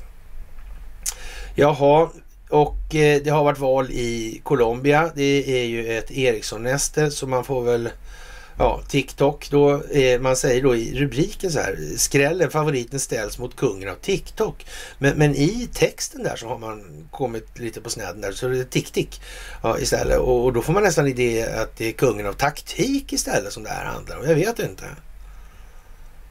Det verkar bli snett där. Verkar någon man vill peka på. Kanske är signalvärdet då att det här med stavningen kan vara viktigt också. Annars blir det helt olika innebörd och värdeladdning i det här opinionsbildningseffekten blir jävligt konstig alltså. Mm. Tänker man på sånt här överhuvudtaget? Med stavningen, eller bara skriver man? Det är ingen som korrekturläser längre. Det var förr i tiden. När det fanns sättare då så jobbigt. Nu när det är inte är ett dugg jobbigt så slutar man att göra det. Man har inte ens rättstavningsprogram. Nej, precis. Det är ju det alltså. Ja, som sagt, det är miljökonferens i Stockholm och lögn som ledstjärna i konvergensens tidevarv exponeras i och med detta alltså. Och eh, som sagt, Join World Leaders and Climate Experts on eh, ja, juni den 3 when we broadcast live directly from Stockholm plus 50 critical climate action event och det är naturligtvis Bryggbörje som är i farten här alltså. Och han börjar ju bli mjuk i höftböjarna nu antar jag. Han har stått så här rätt länge faktiskt. Och, och ja, han håller ju för det alltså. Han är inte så mycket vattenskallad och blod i huvudet i alla fall. Sådär alltså. Men som sagt, bribe, cheat and steal and worse då for the climate. Det är väl vad Börje kan, kan bidra med i de här sammanhanget. Sen så kommer det här från organisationen ICAN då. En av sju stockholmare kommer att dö eller skadas av ett medelstort kärnvapen om det släpps över Stockholm. Eh, ja, ta del av hela rapporten och så vidare i det här. Och, och, och ny rapport då. E, ett medelstort kärnvapen skulle räcka för att slå ut hela Stockholm. Och det, det är lite grann det här. Varför kommer den här typen av signalvärden nu? Just i det här läget. Det börjar lukta eh, eh cornucopia-skit alltså. Ymnighetszonen, det är ingen jävla kattlalur, Det är inte det kan jag tala om för er. Det är precis tvärtom alltså. Mm. Det är ingen stridslur det där alltså. Nej. Det där är speciellt alltså. Ja. Och då kommer det naturligtvis någon jävla numerolog och börjar säga kolla här nu, det stämmer, det stämmer och räknar och räknar och räknar. Men det här med siffror alltså, då är, är, är, går det att beskriva till, tillvaron och siffror utan, utan ord alltså i övrigt? Är, är det en bra väg alltså? Går det att beskriva någonting abstrakt med siffror på det viset? Mm. Jag vet inte. Går det att beskriva känslor med siffror? Mm. I absoluta termer.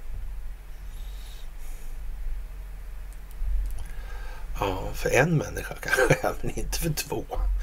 Ja, de lär inte beskriva samma sak. Mm.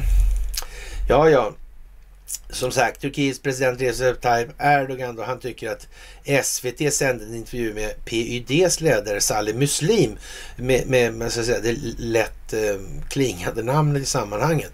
Samtidigt som det pågick NATO-samtal mellan Sverige, Finland och Turkiet och det tyckte han var så där helt enkelt. Han sa att intervjun i svensk statstelevision är ett bevis på att Sverige inte tar samtalen mellan länderna på allvar. Jag tycker det är anmärkningsvärt och förvånande att en statschef har synpunkter på ett oberoende på ett oberoende, en oberoende nyhetsredaktions val av intervjupersoner säger SVT Nyheters ansvariga utgivare Charlotta Friborg. Och, och, och Charlotta menar då kanske att, att Eh, ja, skattebetald kontrollerad media kanske hon menar då. Och för oberoende har väl liksom eh, de hade ju ett utbildningsdirektiv redan under Gunnar Strängs dagar alltså. Så det, och det var väl som alla andra direktiv som ställs i de här sammanhangen. Det var ju någon form av avgränsningar inblandade i det här. Det var inte som eh, hon säger då oberoende och sådär. Det tror jag inte så mycket på faktiskt. Och, men faktum är att vi, vi har ju en poäng här av, av Hermansson alltså i, som, som faktiskt finner det här ganska väl. Alltså den där uh, Charlotta alltså hon har osedvanligt onda ögon alltså. Det måste jag säga och, och hennes yttre attribut i övrigt kanske möjligen lämnar en del övrigt att önska men vi lämnar det utan kommentarer då. Men de där ögonen, för det är ju gängse praxis i ägardirektivstyrda opinionsbildningsmedier att kommentera då på, på statschefer och annat alltså. Och då måste man ju kunna göra det på någon, någon form av nyhetsansvarig alltså. Måste man ju verkligen kunna konstatera. Det var ju fruktansvärt onda ögon helt enkelt. Ja, om vi ska krypa ner på den nivån alltså. Men jag vet inte. Det, det, det är lite som det Man får skylla sig själv om man säger sådär. Och eh, ja, det är jävligt oberoende helt enkelt. Det måste man ju säga det där. Det, det, hela saken alltså. Jaha, och eh, vi får väl hoppas åtminstone då att eh, ja, det blir lite lättare med olika saker vad det lider. Men nu står vi nog inför en ganska så stor sammandragningar, som kontraktion i det här. Nu ska så att säga musklerna spännas så att det i princip gränsar till kramp alltså i det här. Nu är det megakontraktion som gäller alltså. Och det blir ju inte mycket dummare då i det här läget när George Soros säger att han arbetar med Biden som var mycket djupt involverad i de här grejerna i Ukraina. Och, och vad ska vi säga egentligen? När George Soros säger det själv då och det här ligger upplagt på nätet och då känns det ju som att det är lite eh, märkligt. Och George Soros han känns inte riktigt rapp alltså i tanken. Det gör han inte. Mm. Han måste ju kunna sjunga ut och han vet någonting om Open Society Global. Han känner förmodligen till den här Daniel Sachs alltså som var en syrra där alltså. Eh, det skulle han kunna göra alltså. Jag tror han känner till lite om telefoner och sånt också. Han verkar inte överdrivet respektfull mot underlivsporslinet. Och underlivsporslinet tycks ju ha sprungit ärenden åt familjen Wallenberg sedan väldigt lång tid tillbaka. Alltså ända bakom 70-talet till och med alltså. Oj, oj, oj, oj, oj, det verkar inte klokt det där. Alltså, men, men George Soros, han, har ju, han är äldre i, i gården då så att säga, kan man väl misstänka. Eller säga, det är han ju alltså. Mm. I alla fall, troligtvis är han det. ja. ja. Han sprang väl runt där i, i Ungern och höll på med någonting också. Det var inte arresteringsprocessen som han inblandad i den kanske? Ja, kanske han var ja. Mm. Tänk om det där kommer fram med Raoul Wallenberg och det visar sig att det är någonting helt annat än vad som har förespeglats. Det skulle inte bli så bra för Israel. Tror jag inte. Kanske de vet det. Kanske de eh, hjälper till. I alla fall de delar som alltid har bestämt i Israel. De som enligt Benjamin Netanyahu kallas för den djupa staten. Det är det samma förresten som Erdogan pratar om. Mm. Just det, det kommer vi tillbaka till också. Det verkar vara så alltså. Det där gänget som har bestämt i Israel har alltid funnits i Turkiet. Det tycks ju båda vara eniga om. Det säger då Recep Tayyip Erdogan i tal 2007. Och, och, det har ju Benjamin Netanyahu sagt för inte allt för lång tid sedan. Så här i modern tid alltså. Ja. Är inte det konstigt? Den verkar finnas på flera platser är, och, och, de verkar ha samma, samma telefonoperatör också dessutom. Jaha. Ja, ja, ja, ja, ja. Konstigt det där. Ja, ja, ja, ja. Det var någonting med det där och, och de mutor också där som kan Netanyahu ha. Jaha, det kanske han har ja. Så kan det ju vara. Man vet ju inte. Det måste ju finnas skådisar också som sagt. Några måste ju spela. Alla kan inte vara som den här äh, Teresa Küchler. Uh, eh, men man vet ju inte. Det där är riktigt dumt alltså. Det är riktigt, riktigt, riktigt. Det är, det är nästan Jens Ake-standard på det där alltså. Mm. Hon för detta presstaleskvinnan för Vita huset där. Röd fräsen där. Mm. Ja, ja. Man vet inte. Bill Barr, han verkar ha eh, repat mod igen alltså. Kan det vara så? Att han också spelar teater i det här? Ja, ja, ja. Kanske det man alltid har vetat hur djupt man måste gå i det här, minst. Och då var det spelet väl inom ramen för det som måste göras. Jaha, kan det vara så kanske? Ja, ja det kan vara strategiskt planerat så, så, så på lång sikt alltså. Ja, ja, inte bara det som fanns precis på näsan. Eh, ja, men det, det, kan ju vara så, men det vet man ju inte riktigt. Och, och som sagt, Joe Biden var då eh, väldigt eh, eh, djupt involverad i Ukraina enligt Jörgen Schwarz eller eh, George Soros alltså, som är mentalt lite hängig just nu. Mm. Kan det vara så att han har börjat snacka han också? Mm. Man vet ju aldrig, man vet ju aldrig. Han kanske känner till honom kvantumfonder. Kvantumdatorer rent utav. Man vet ju aldrig det. Som sagt, Finland i fokus De vann ju hockey-VM, eh, ja, ska man säga. Och eh, det här är lite speciellt. Och, och Nokias, eh, ja, eh, verkställande där och han heter Pekka Lundmark. Han Lindmark heter väl våran i alla fall. Mm. Ja, och, och, han tycker då att det här, det här med smartphones kommer ju inte finnas. Vi ska operera in alltihop i kroppen alltså. Och bli biorobotar. Mm. Det är lite over the top det där nästan, är det inte det? Vad är det för något signalvärde på det? Vad kommer folk, vad blir reaktionen, konsekvensen? Jag vet inte faktiskt. Det får man tolka lite som man vill. ÖB, han är i alla fall klar nu i en fråga att det är oklart vilken eh, hjälp som Sverige kan få i och med det här ansökan om medlemskap i NATO. Och, det får man väl eh, se som signifikativt i det här läget. Vad ska det bli av det här alltså? Och det kan ju vara så här att vi har så att säga för vårt vidkommande ett rätt så skarpt läge. Det, det är en hypotes som man måste ha med sig i det här. Det handlar ju om det allmänna medvetna medvetandet. Och någon kommer ju göra en bedömning av vilka effekter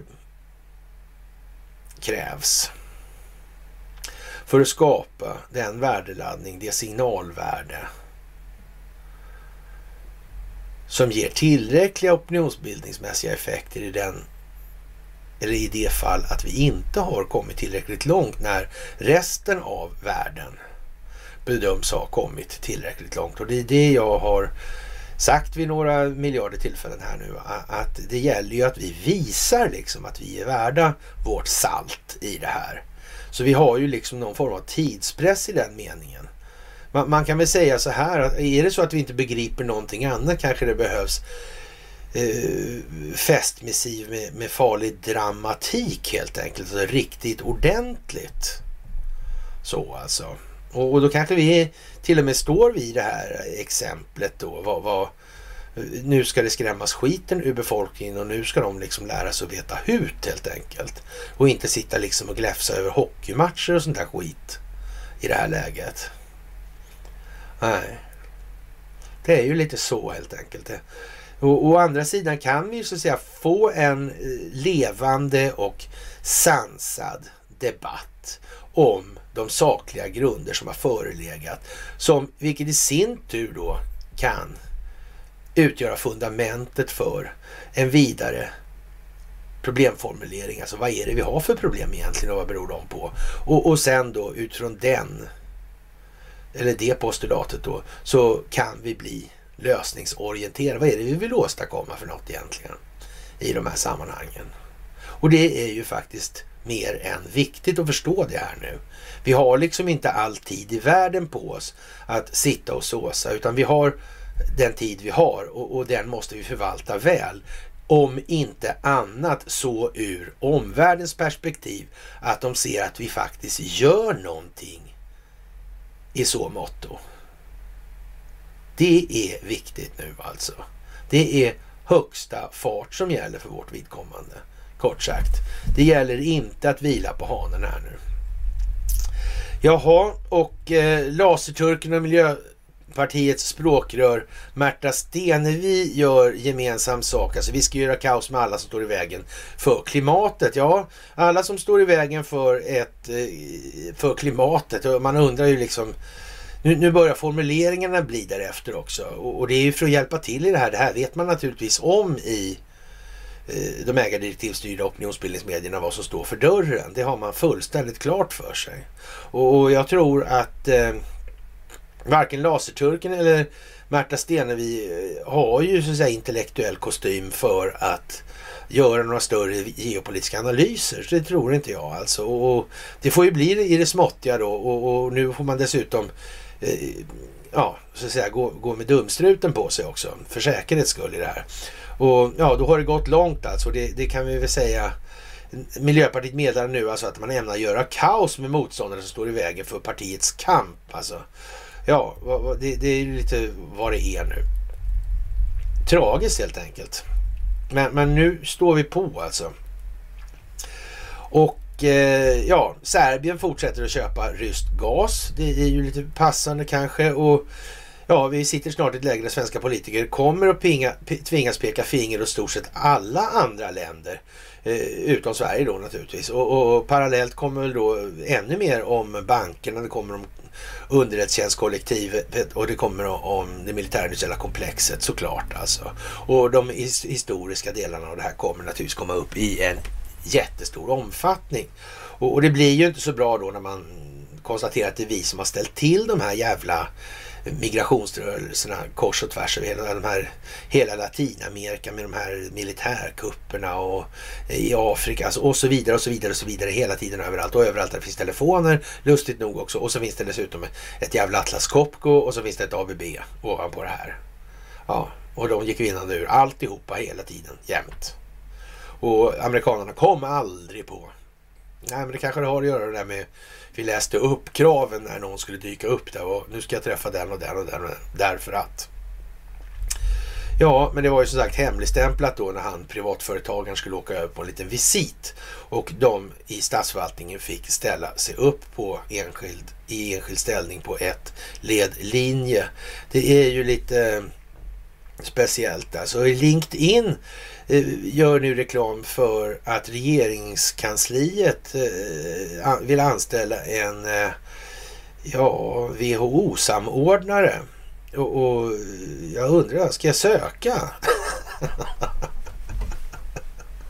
ja, nej. Jag fick bara det till skickat när att jag sa, ja, det är lite speciellt alltså. Är det läge? Ja, det kanske är läge alltså.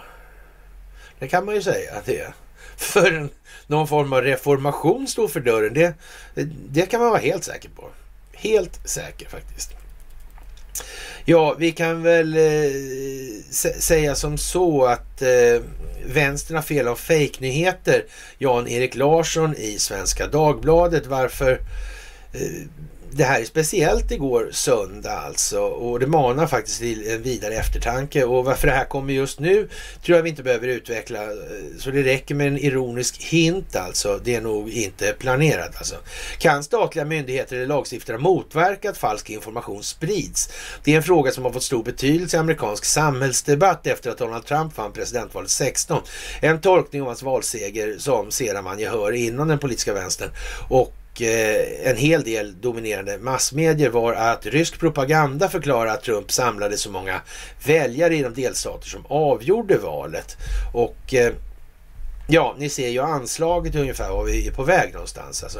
I slutet av april meddelade det amerikanska regeringsorgan som svarar för hemlandets, alltså Homeland Security, eh, Department of Homeland Security, att man skapade en Disinformation Governance Board med uppdrag att granska och motverka falsk information, alltså sanningsdepartementet. Alltså. En högerprofil skrev på Twitter att han inte förstod hur Demokraterna tänkt eftersom eh, det nya regeringsorganet om två år kan sortera under en återvald president Donald Trump. Och det får man ju säga eh, stämmer ganska bra. Och möjligen är det ju så här också att det här var alltså ett rent opinionsbildningsstunt just av den anledningen. Kan det vara så? Kan det vara planerat? Kan det vara strategiskt planerat ur ett opinionsbildningsperspektiv? Vem vet alltså? Ja, fan vet alltså. Ja, Redan i mitten av maj hade regeringsorganet avskaffats. Det tog inte så lång tid alltså. På grund av kritiken berättar Washington Post i en artikel som kritiserade det inträffade. Sam Adler Bell i New York Magazine konstaterar att den vänsterliberala besattheten vid desinformation inte hjälper i den pågående idékampen mellan vänster och höger. Ett skäl är, menar han, att eh, regeringsföreträdare alltid, oavsett vem som sitter i Vita huset, är professionella lögnare. Va? Jaha. Ja, ja. De ljuger i den nationella säkerhetens intresse, påstår de. Ja. Adel Bell skriver att den vänsterliberala maktsfären genom att fokusera på falsk information har avstått från självkritik. Vänstern har därmed inte sett skälen för väljare att rösta på Donald Trump utan betraktar dem bara som lurade. Josef Bernstein har i en fyllig essä i Harper's Magazine skrivit om den storindustri som skapades kring falska nyheter, fake news. Då. I den kritik som inte minst riktas mot teknologijättar, techjättar som i USA kallas big tech. Den relevanta frågan Bernstein ställer är om allmänheten verkligen är så lättlurad. Ja, vem vet alltså. Om de kanske börjar genomskåda det här. Var det det som gjorde att Donald Trump kanske vann? Ja, det kan ju vara så också. Mm. Ja, som sagt. Det kan ju vara så. Och eh, ja, i förra månaden arrangerade University of Chicago-konferensen Disinformation and the Erosion of Democracy, Democracy med Barack Obama som huvudtalare. Sam Bell konstaterar syrligt att om man samlar vänsterns ledande företrädare så att de kan bestämma vad som är sant och bör vara tillgängligt för allmänheten så blir effekten snarast att man illustrerar deras legitimitetskris. Det leder till misstro och cynism snarare än till verkliga lösningar. I ett hand inlägg i debatten kom i en krönika av Thomas J. Balch i Washington Post Eh, han presenterar sig själv som en engagerad abortmotståndare och motståndare till Donald Trump. Han instämmer med Elon Musk att Trump inte borde förbjudas att skriva på Twitter. Balch citerar vidare president Thomas Jefferson som slog fast att åsiktsmisstag ska tolereras om det finns möjlighet för kritik av de här alltså. Även den romerske poeten Juvenalis återkallas, åkallas av Balch i frågan Ki custodiet ipsos Custodes, vem vaktar väktarna? Att begränsa fredliga protester och offentlig debatt är att ta en stor risk i en demokrati, alltså i Svenska Dagbladet, bästa lästid igår alltså. Och ja, är det någon som eh, inte förstår vad som är syftet bakom det här och vad det ska leda till och så vidare. Mm. En del får rep och, och så hänga upp sig själva. Och eh, vi ser att alternativmedierna håller på att skräna. Jag berättade tidigare om den här mejllistan. Jag är borttagen från den, mera får inte vara med längre. Och, och, jag har ju fnissat lite åt det där som det har hållits på där med eh, ja, allt vad de heter, Fritiof och, och Bergmark och, och sådär. Och, så, och, och nu eh, håller på och tjattras runt den här Lars Bern då i olika sammanhang. Och det där är ju en riktig soppa alltså. Och man får nog, eh, ja, det, det, signaleras och det blir osams och så vidare och, och, hit och dit alltså. Det är mycket speciellt det här och eh, i samband med det här så kommer då den här Nya Dagbladet, de här som vi bråkar med om angående med upphovsrätt. Och, eh, så det är väl inga genier på det viset. Men, men de har gjort en ganska förtjänstfull kartläggning här som vi kommer tillbaka till alldeles strax. Och, eh, där man då utelämnar vissa delar som, som, som skulle leda vidare till den kända gatuadressen. Så, där. så, så det, det, det kanske är därför, vem vet alltså. Och som sagt, från eh, ja 2021 alltså. Ja det kommer alltså någonstans här i, slutet på det här året senast, alltså kan vi kanske säga mellanårsvalet då eh, för säkerhets skull då. Ja, eller i alla fall mellan mellanårsvalet och eh, ja, 20 januari kan vi säga att det där är en tid då eh, ja, det kommer sjungas en del svanesånger helt enkelt. Gällande jallarhorn och kattlalurar och eh, bullhorns och vad vi väljer att kalla dem för. Sådär. Ja, det är ju lite eh, speciellt alltså. Mm. Och frågan är hur ska det gå om man inte kan läsa papperstidningen på morgnarna för somliga? Ja, det vet inte faktiskt.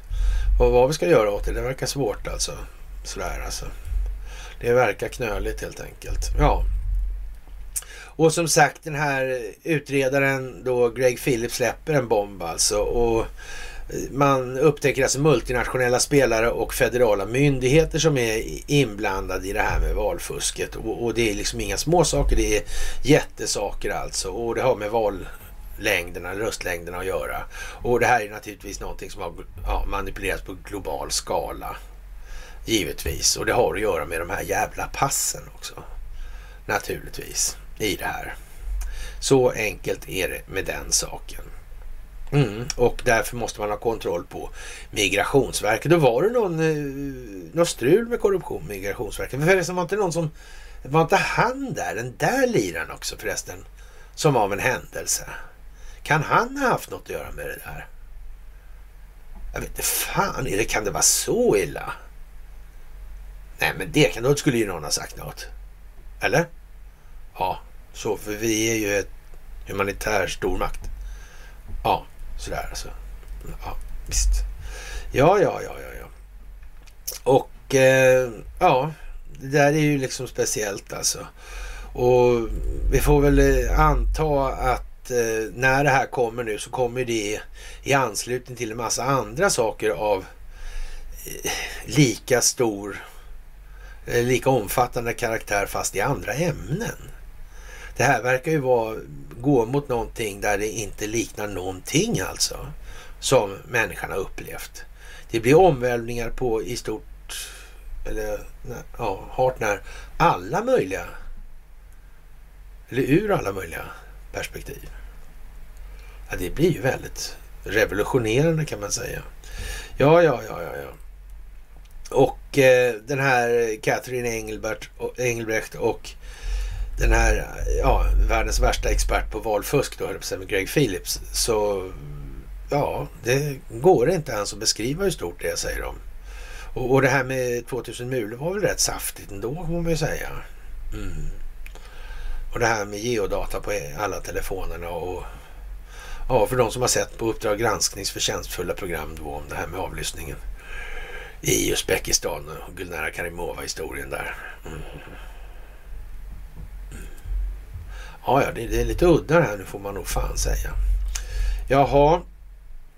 Och det går ju som på räls för Ukraina i kriget alltså. Och Zelensky ser ingen militär lösning på, på Krim i det här. Och, och, i öst verkar det gå åt helvete också. Så jag vet inte. Men, men enligt Linde så vinner man ju det här alltså. Det, det är ju så. Men det verkar inte vara riktigt så i, i fallet på marken alltså. Det verkar gå lite olika, det divergerar på något vis alltså. Mm, ja, en viss divergens är det nog alltså. Ja, ja, ja, ja, ja. ja. Det, det, så kan det ju bli ibland här i världen. Ja. Och ja, det inrikespolitiska USA med de här skjutningarna och så vidare, det har vi sagt i förbifarten. Men det där är också intellektuellt dött vid det här laget. Och eh, ja, vad ska vi säga? Det är samma om modus operandi hela tiden. Ja, hej och Och enda möjligheten att det där kan existera det är att det är korrumperat. Ja. Och då är det också arrangerat. Det finns ju liksom inte så mycket annat. Det behöver man inte ens... Ja, behöver inte hålla på och tjattra om det. Så. Och eh, nu måste faktiskt till och med en svensk kunna identifiera att det faktiskt tycks pågå någon form av folkbildningskampanj då med hjälp av medierna då och, och motvilligt då. Och att syftet bakom den här folkbildningen inte kan tolkas. Eh, förut var det nominella värdet på den signalerade informationen, alltså värdeladdningen är alltså någonting annat då. Och så kommer vi tillbaka till den här jävla dåren Kristoffer Steele då och, och han kanske redan är död då skrev då The Sun om det var igår eller om, för, om det var i förrgår, jag tror det var igår. Och, och det, det, kan man ju liksom tycka är, ja, det är som det är här nu och ja, det här är svenska medier tvungna att köra upp då. Av någon anledning. Den här dyngan. Mm. Och det är för att framställa sig själva i en mycket mer positiv dager. Eller inte. Ja, vilka kan det vara egentligen? Och, och tro då att man ska sitta och, och, inte hjälpa till och när de är tvingade att hjälpa till. Ja, det kan man ju säga så här alltså. Ja, det, det är ju liksom. Ja, USA nya sanktioner mot Nordkorea. Ja, och det här där Kina och Ryssland lägger in veto i, i FN. Mm. Jag vet inte. Har Sverige något med att göra? Och som sagt det här med eh, Nya Dagbladet granska sektnätverket och kontrollen över alternativa medier och rörelser. Det är ju lite som det är det här och, och de här figurerna som figurerar i de här sammanhangen. De, ja, vad ska vi säga? Vi kan väl säga så här, det är liksom inga inga ledartyper i egentlig mening. Det finns en och annan kaserngårdsfyrir för all del alltså, men det är ju trots allt ett, någon form av befattning. Alltså det är liksom inte riktigt på det sättet. Och det är inte ledarskap i den meningen än att annat är liksom att åstadkomma en struktur. Alltså det är liksom inget naturligt. Det är inte två, eh, två människor som står i varsin blå meck-overall på fotbollsplan och säger följ mig. Och vem inger mest förtroende och varför? Ja. Vi brukar ta det som exempel med Göran Persson. Det är inte så många som följer Göran då kanske när det kommer, upp till, kommer fram till det naturliga ledarskapet så kanske. Han är liksom ingen sån typ. Det är ingen karisma-grej sådär. Alltså. Äh, han är ja, men så. Men han skulle kanske kunnat bli det ändå alltså. Ja, men nu är det inte så i alla fall. Det ska vi inte kanske fördjupa oss i det. Och eh, ja, jag vet inte. Vi, vi, har ju haft en hel del eh, olika eh, yttringar under det här myset redan. Alltså, som är, det är av, av ja, större karaktär än någonsin tidigare. Då. Men I Shanghai så kommer man slopa restriktionerna på covid då, eh, och efter två månader. Det innebär då att det är ingen risk för, eller man bedömer i vart fall att risken för destabilisering är hanterbar. Den blir inte okontrollerbar alltså. Och, och ja, det, det är dags helt enkelt att ta ett nytt steg och den här veckan tenderar ju att bli rätt så dramatisk alltså. Och i, i det här läget då när Svenska Dagbladet i princip skriver öppet att Elon Musk stöder Donald Trump, då kommer Carl Bildt gläfsande med följande eminenta då eh, uttryck då och, och, talar om att inte mindre än 12 000 Starlings Starlink-terminaler har levererats till Ukraina och gör då det här internet alltså, obrytbart alltså. Och, och, ja, det här är ett stort problem i Kina säger man då enligt Carl Bildt och jag är inte säker på att Elon Musks lojaliteter ligger riktigt åt det hållet där eh, Carl Bildt uttrycker att han tror att de ligger. Och ja, vi får väl tolka det lite som ni vill här alltså. Och, och det, det, är inte alls styrt och kontrollerat. Det finns ingen som helst strategisk planering bakom någonting överhuvudtaget i de här opinionsbildningsinsatserna. Och Carl Bildt framstår framförallt inte som en komplett idiot just nu. Nej, det gör han inte. Nej, visst. Och eh, jaha, och eh, det här med Elon Musk alltså. Eh, han sägs ju vara besatt av att bli omtyckt och beundrad skriver man i Svenska Dagbladet. Och, och han ger alltså uttryck för känslor av isolering. Alltså det här känslorna hit och dit och, och den själsliga bildningsnivån på SVTs redaktion alltså. Och ja, det är ju märkligt att man är tvungen att beskriva det här. Man framstår inte som något, ska vi kalla det för, eh, fall av själslig gigantism. Eller däremot kan man kalla det för att det är moralisk banditism snarare i så fall. Då. Ja, det där är lite eh, speciellt alltså. Det, det, blir inte så bra förtroende för den saken alltså. Hyperresistenta bakterier på Antarktis däremot blir det jättebra för och då kan man väl misstänka att det kanske, ja, som sagt blir, blir det varmare nu alltså så kanske de här olika pandemierna sprider sig som fan alltså. Ja, man vet ju aldrig alltså.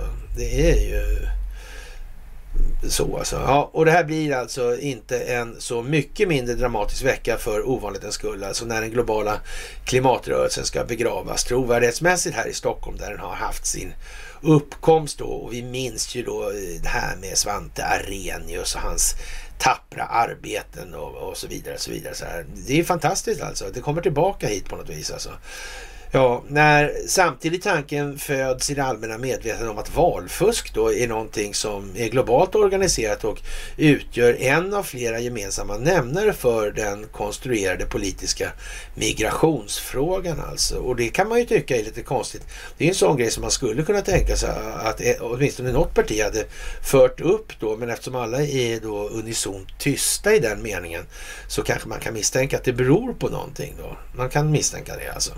Ja, och att den djupa staten finns med som bärande faktor i det här ekvationssystemet idag eh, äntligen alltmer att betrakta som ett axiom i det allmänna medvetandet. Vad vet egentligen då Xi Jinping, Donald Trump och Recep Tayyip Erdogan och Vladimir Putin om den historiska bakgrund som deras respektive länder befinner sig i? Finns det någon risk, liksom, chans, möjlighet att de faktiskt känner till hur det har förevarit i det här? Och, och utifrån den utgångspunkten har de tagit sina respektive ställningar och sen har man koordinerat det här med övriga länder av stor geopolitisk signifikans för att motverka den djupa staten. Kan det vara så?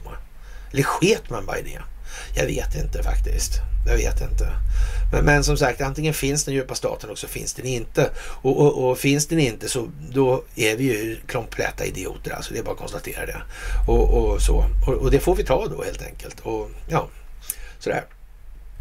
det är ju lite som det är alltså. Då, då har vi tagit det här med historiskt militärkulturanslag då, en gammal artikel på bloggen sådär. Och det, det är lite sådär som det är. Ja, om röstlängderna manipuleras systematiskt i USA, vad gör då detta flyktingfrågan i Sverige till för, för någonting då? När Sverigedemokraterna faktiskt stiger som muren i den här saken.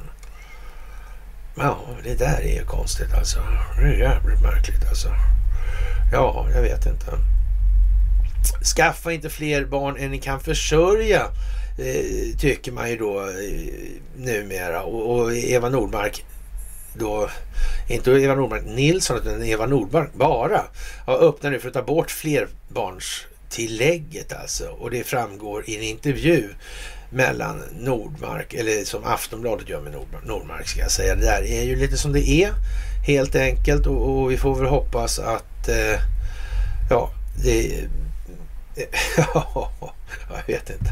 Nu är det lätt att bli lite, ja som sagt, syrlig här. Men, men, man kan ju fundera på det här med, med, vad har det här med röstimport att göra? Alltså valfusket i USA kanske. Ja, ja, ja, ja.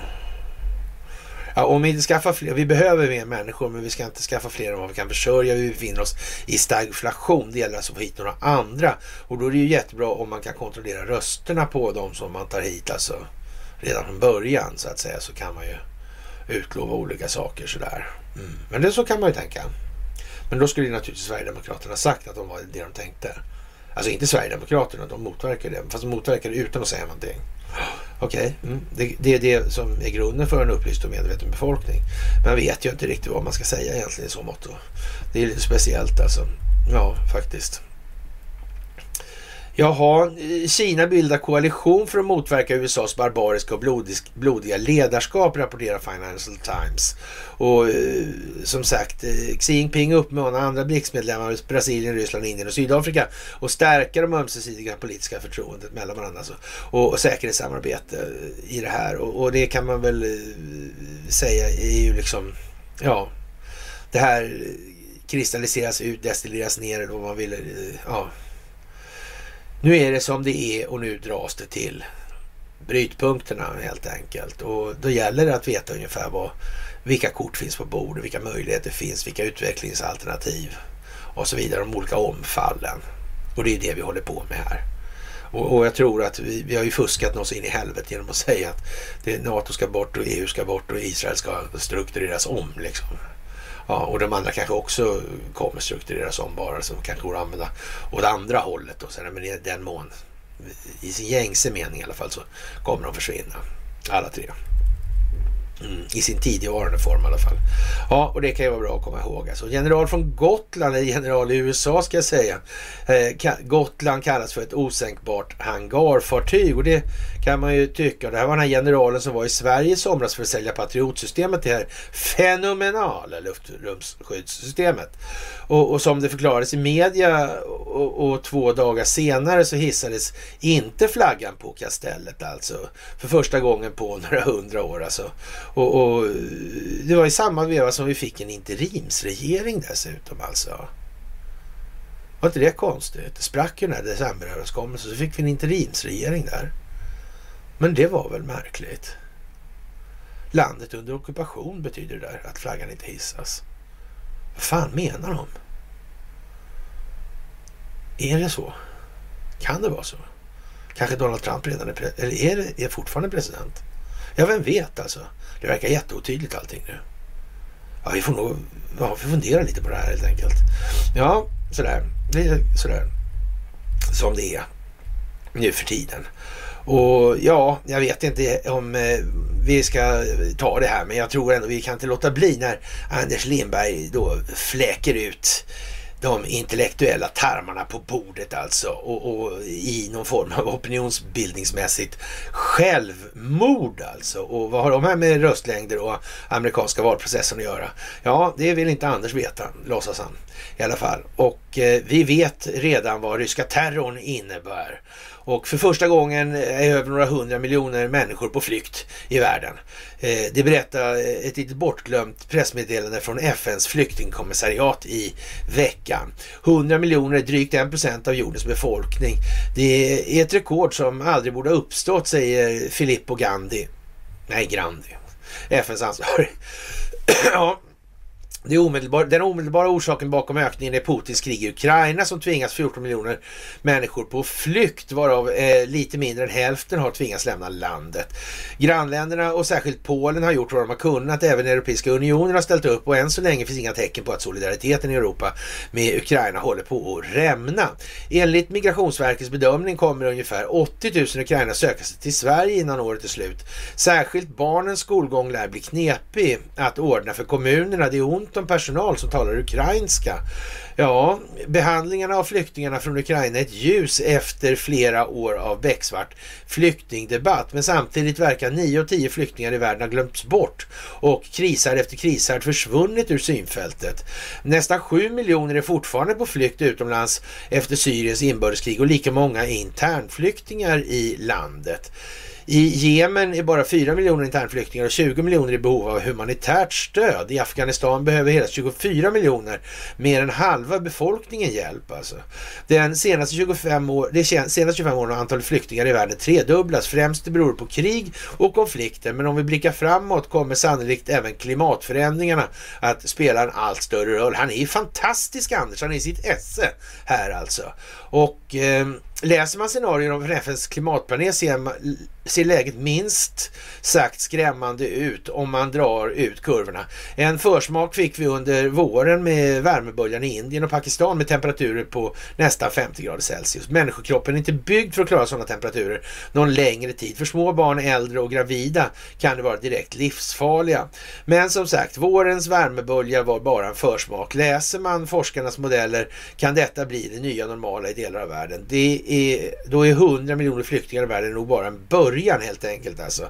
Eh, så det här med röstningarna och röstlängderna, det kan vi bara glömma. Alltså. Det blir Migrationsverket som bestämmer allting för alltid framgent. Alltså. Ja, och, och politikerna är ju så att säga eh, altruistiska och fina allihopa. Mm. Kanske blir det värsta konsekvenserna av Putins krig inte själva våldet utan alla faser och övergrepp eller flyktingströmmarna. Ja, ja, ja. ja Eh, utan den globala upprustningen, ja de här pengarna som hade behövts till sjukvård och skola för människor och för klimatomställningen kommer nu att ledas om till nya vapensystem och missiler som man inte har råd att använda. Anders har ju alltid varit väldigt tapper i sin kritik mot Investor, det minns vi särskilt alltså, hur han alltid har gått ut i bräschen i det här. Det är samma sak alltså. Ja, jag säger inte att det finns några särskilt bra alternativ just nu. Ukraina måste ges vapen till sitt försvar, annars kommer de scener vi sett i Butja och Irpin och Mariupol, Mariupol återupprepas i hela landet. Då, vi vet redan vad den ryska terrorn innebär. Alltså, även vi i Sverige behöver rusta upp vårt civila och militära försvar eftersom vi ligger granne med en rysk, rysk gangsterstat alltså. Och överallt i världen kommer Rysslands invasion av Ukraina få exakt samma effekt. Alltså. I Europa självklart, men eh, även i Japan liksom i Sydkorea och Australien. När Indien rustar kommer även Pakistan göra det här och ja, om Iran lyckas utveckla en atombomb så lär även Saudiarabien bygga en och så vidare. Eh, ja, det här var den värld jag växte upp i, det kalla krigets värld. Jag växte, jag visste var skyddsrummen låg och jag skulle lägga mig under bänken i skolan vid en kärnvapenattack för vi hade kärnvapensäkra bänkar när det skrev han. Ja, Eh, vi, ska inte kalla honom för idiot, men, men ändå alltså. Nu får även nästa generation snart lära sig hur vi byggt nya skyddsrum självklart. Det gamla tog visst slut. Okej. Okay. Denna nya värld är ingenting att välkomna, men nu är den här och vi sitter som i ett skruvstäd fast i krigsmaskinernas logik alltså. För första gången är över 100 miljoner människor på flykt i världen. Hur många är de tio år? Dubbelt så många eller tre gånger så många kanske? Jag vet inte.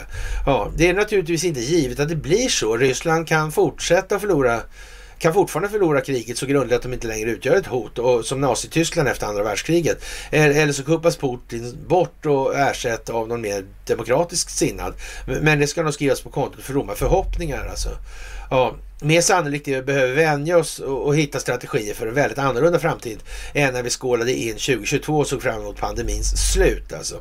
I sitt tal till förbundsdagen, det tyska parlamentet direkt efter invasionen av Ukraina, använde förbundskapten Olof Scholz ordet sajten vände eller vändpunkt på svenska. Men sajten vände betyder mer än bara något nytt i största allmänhet. Tiden vänder blad alltså. Och en ny era börjar. Politiskt var det en utrikespolitisk revolution han levererar med ett helt nytt Tyskland i Europa Europas mitt. Jag tror inte riktigt vi förstår hur mycket som förändrades den 24 februari i Sverige.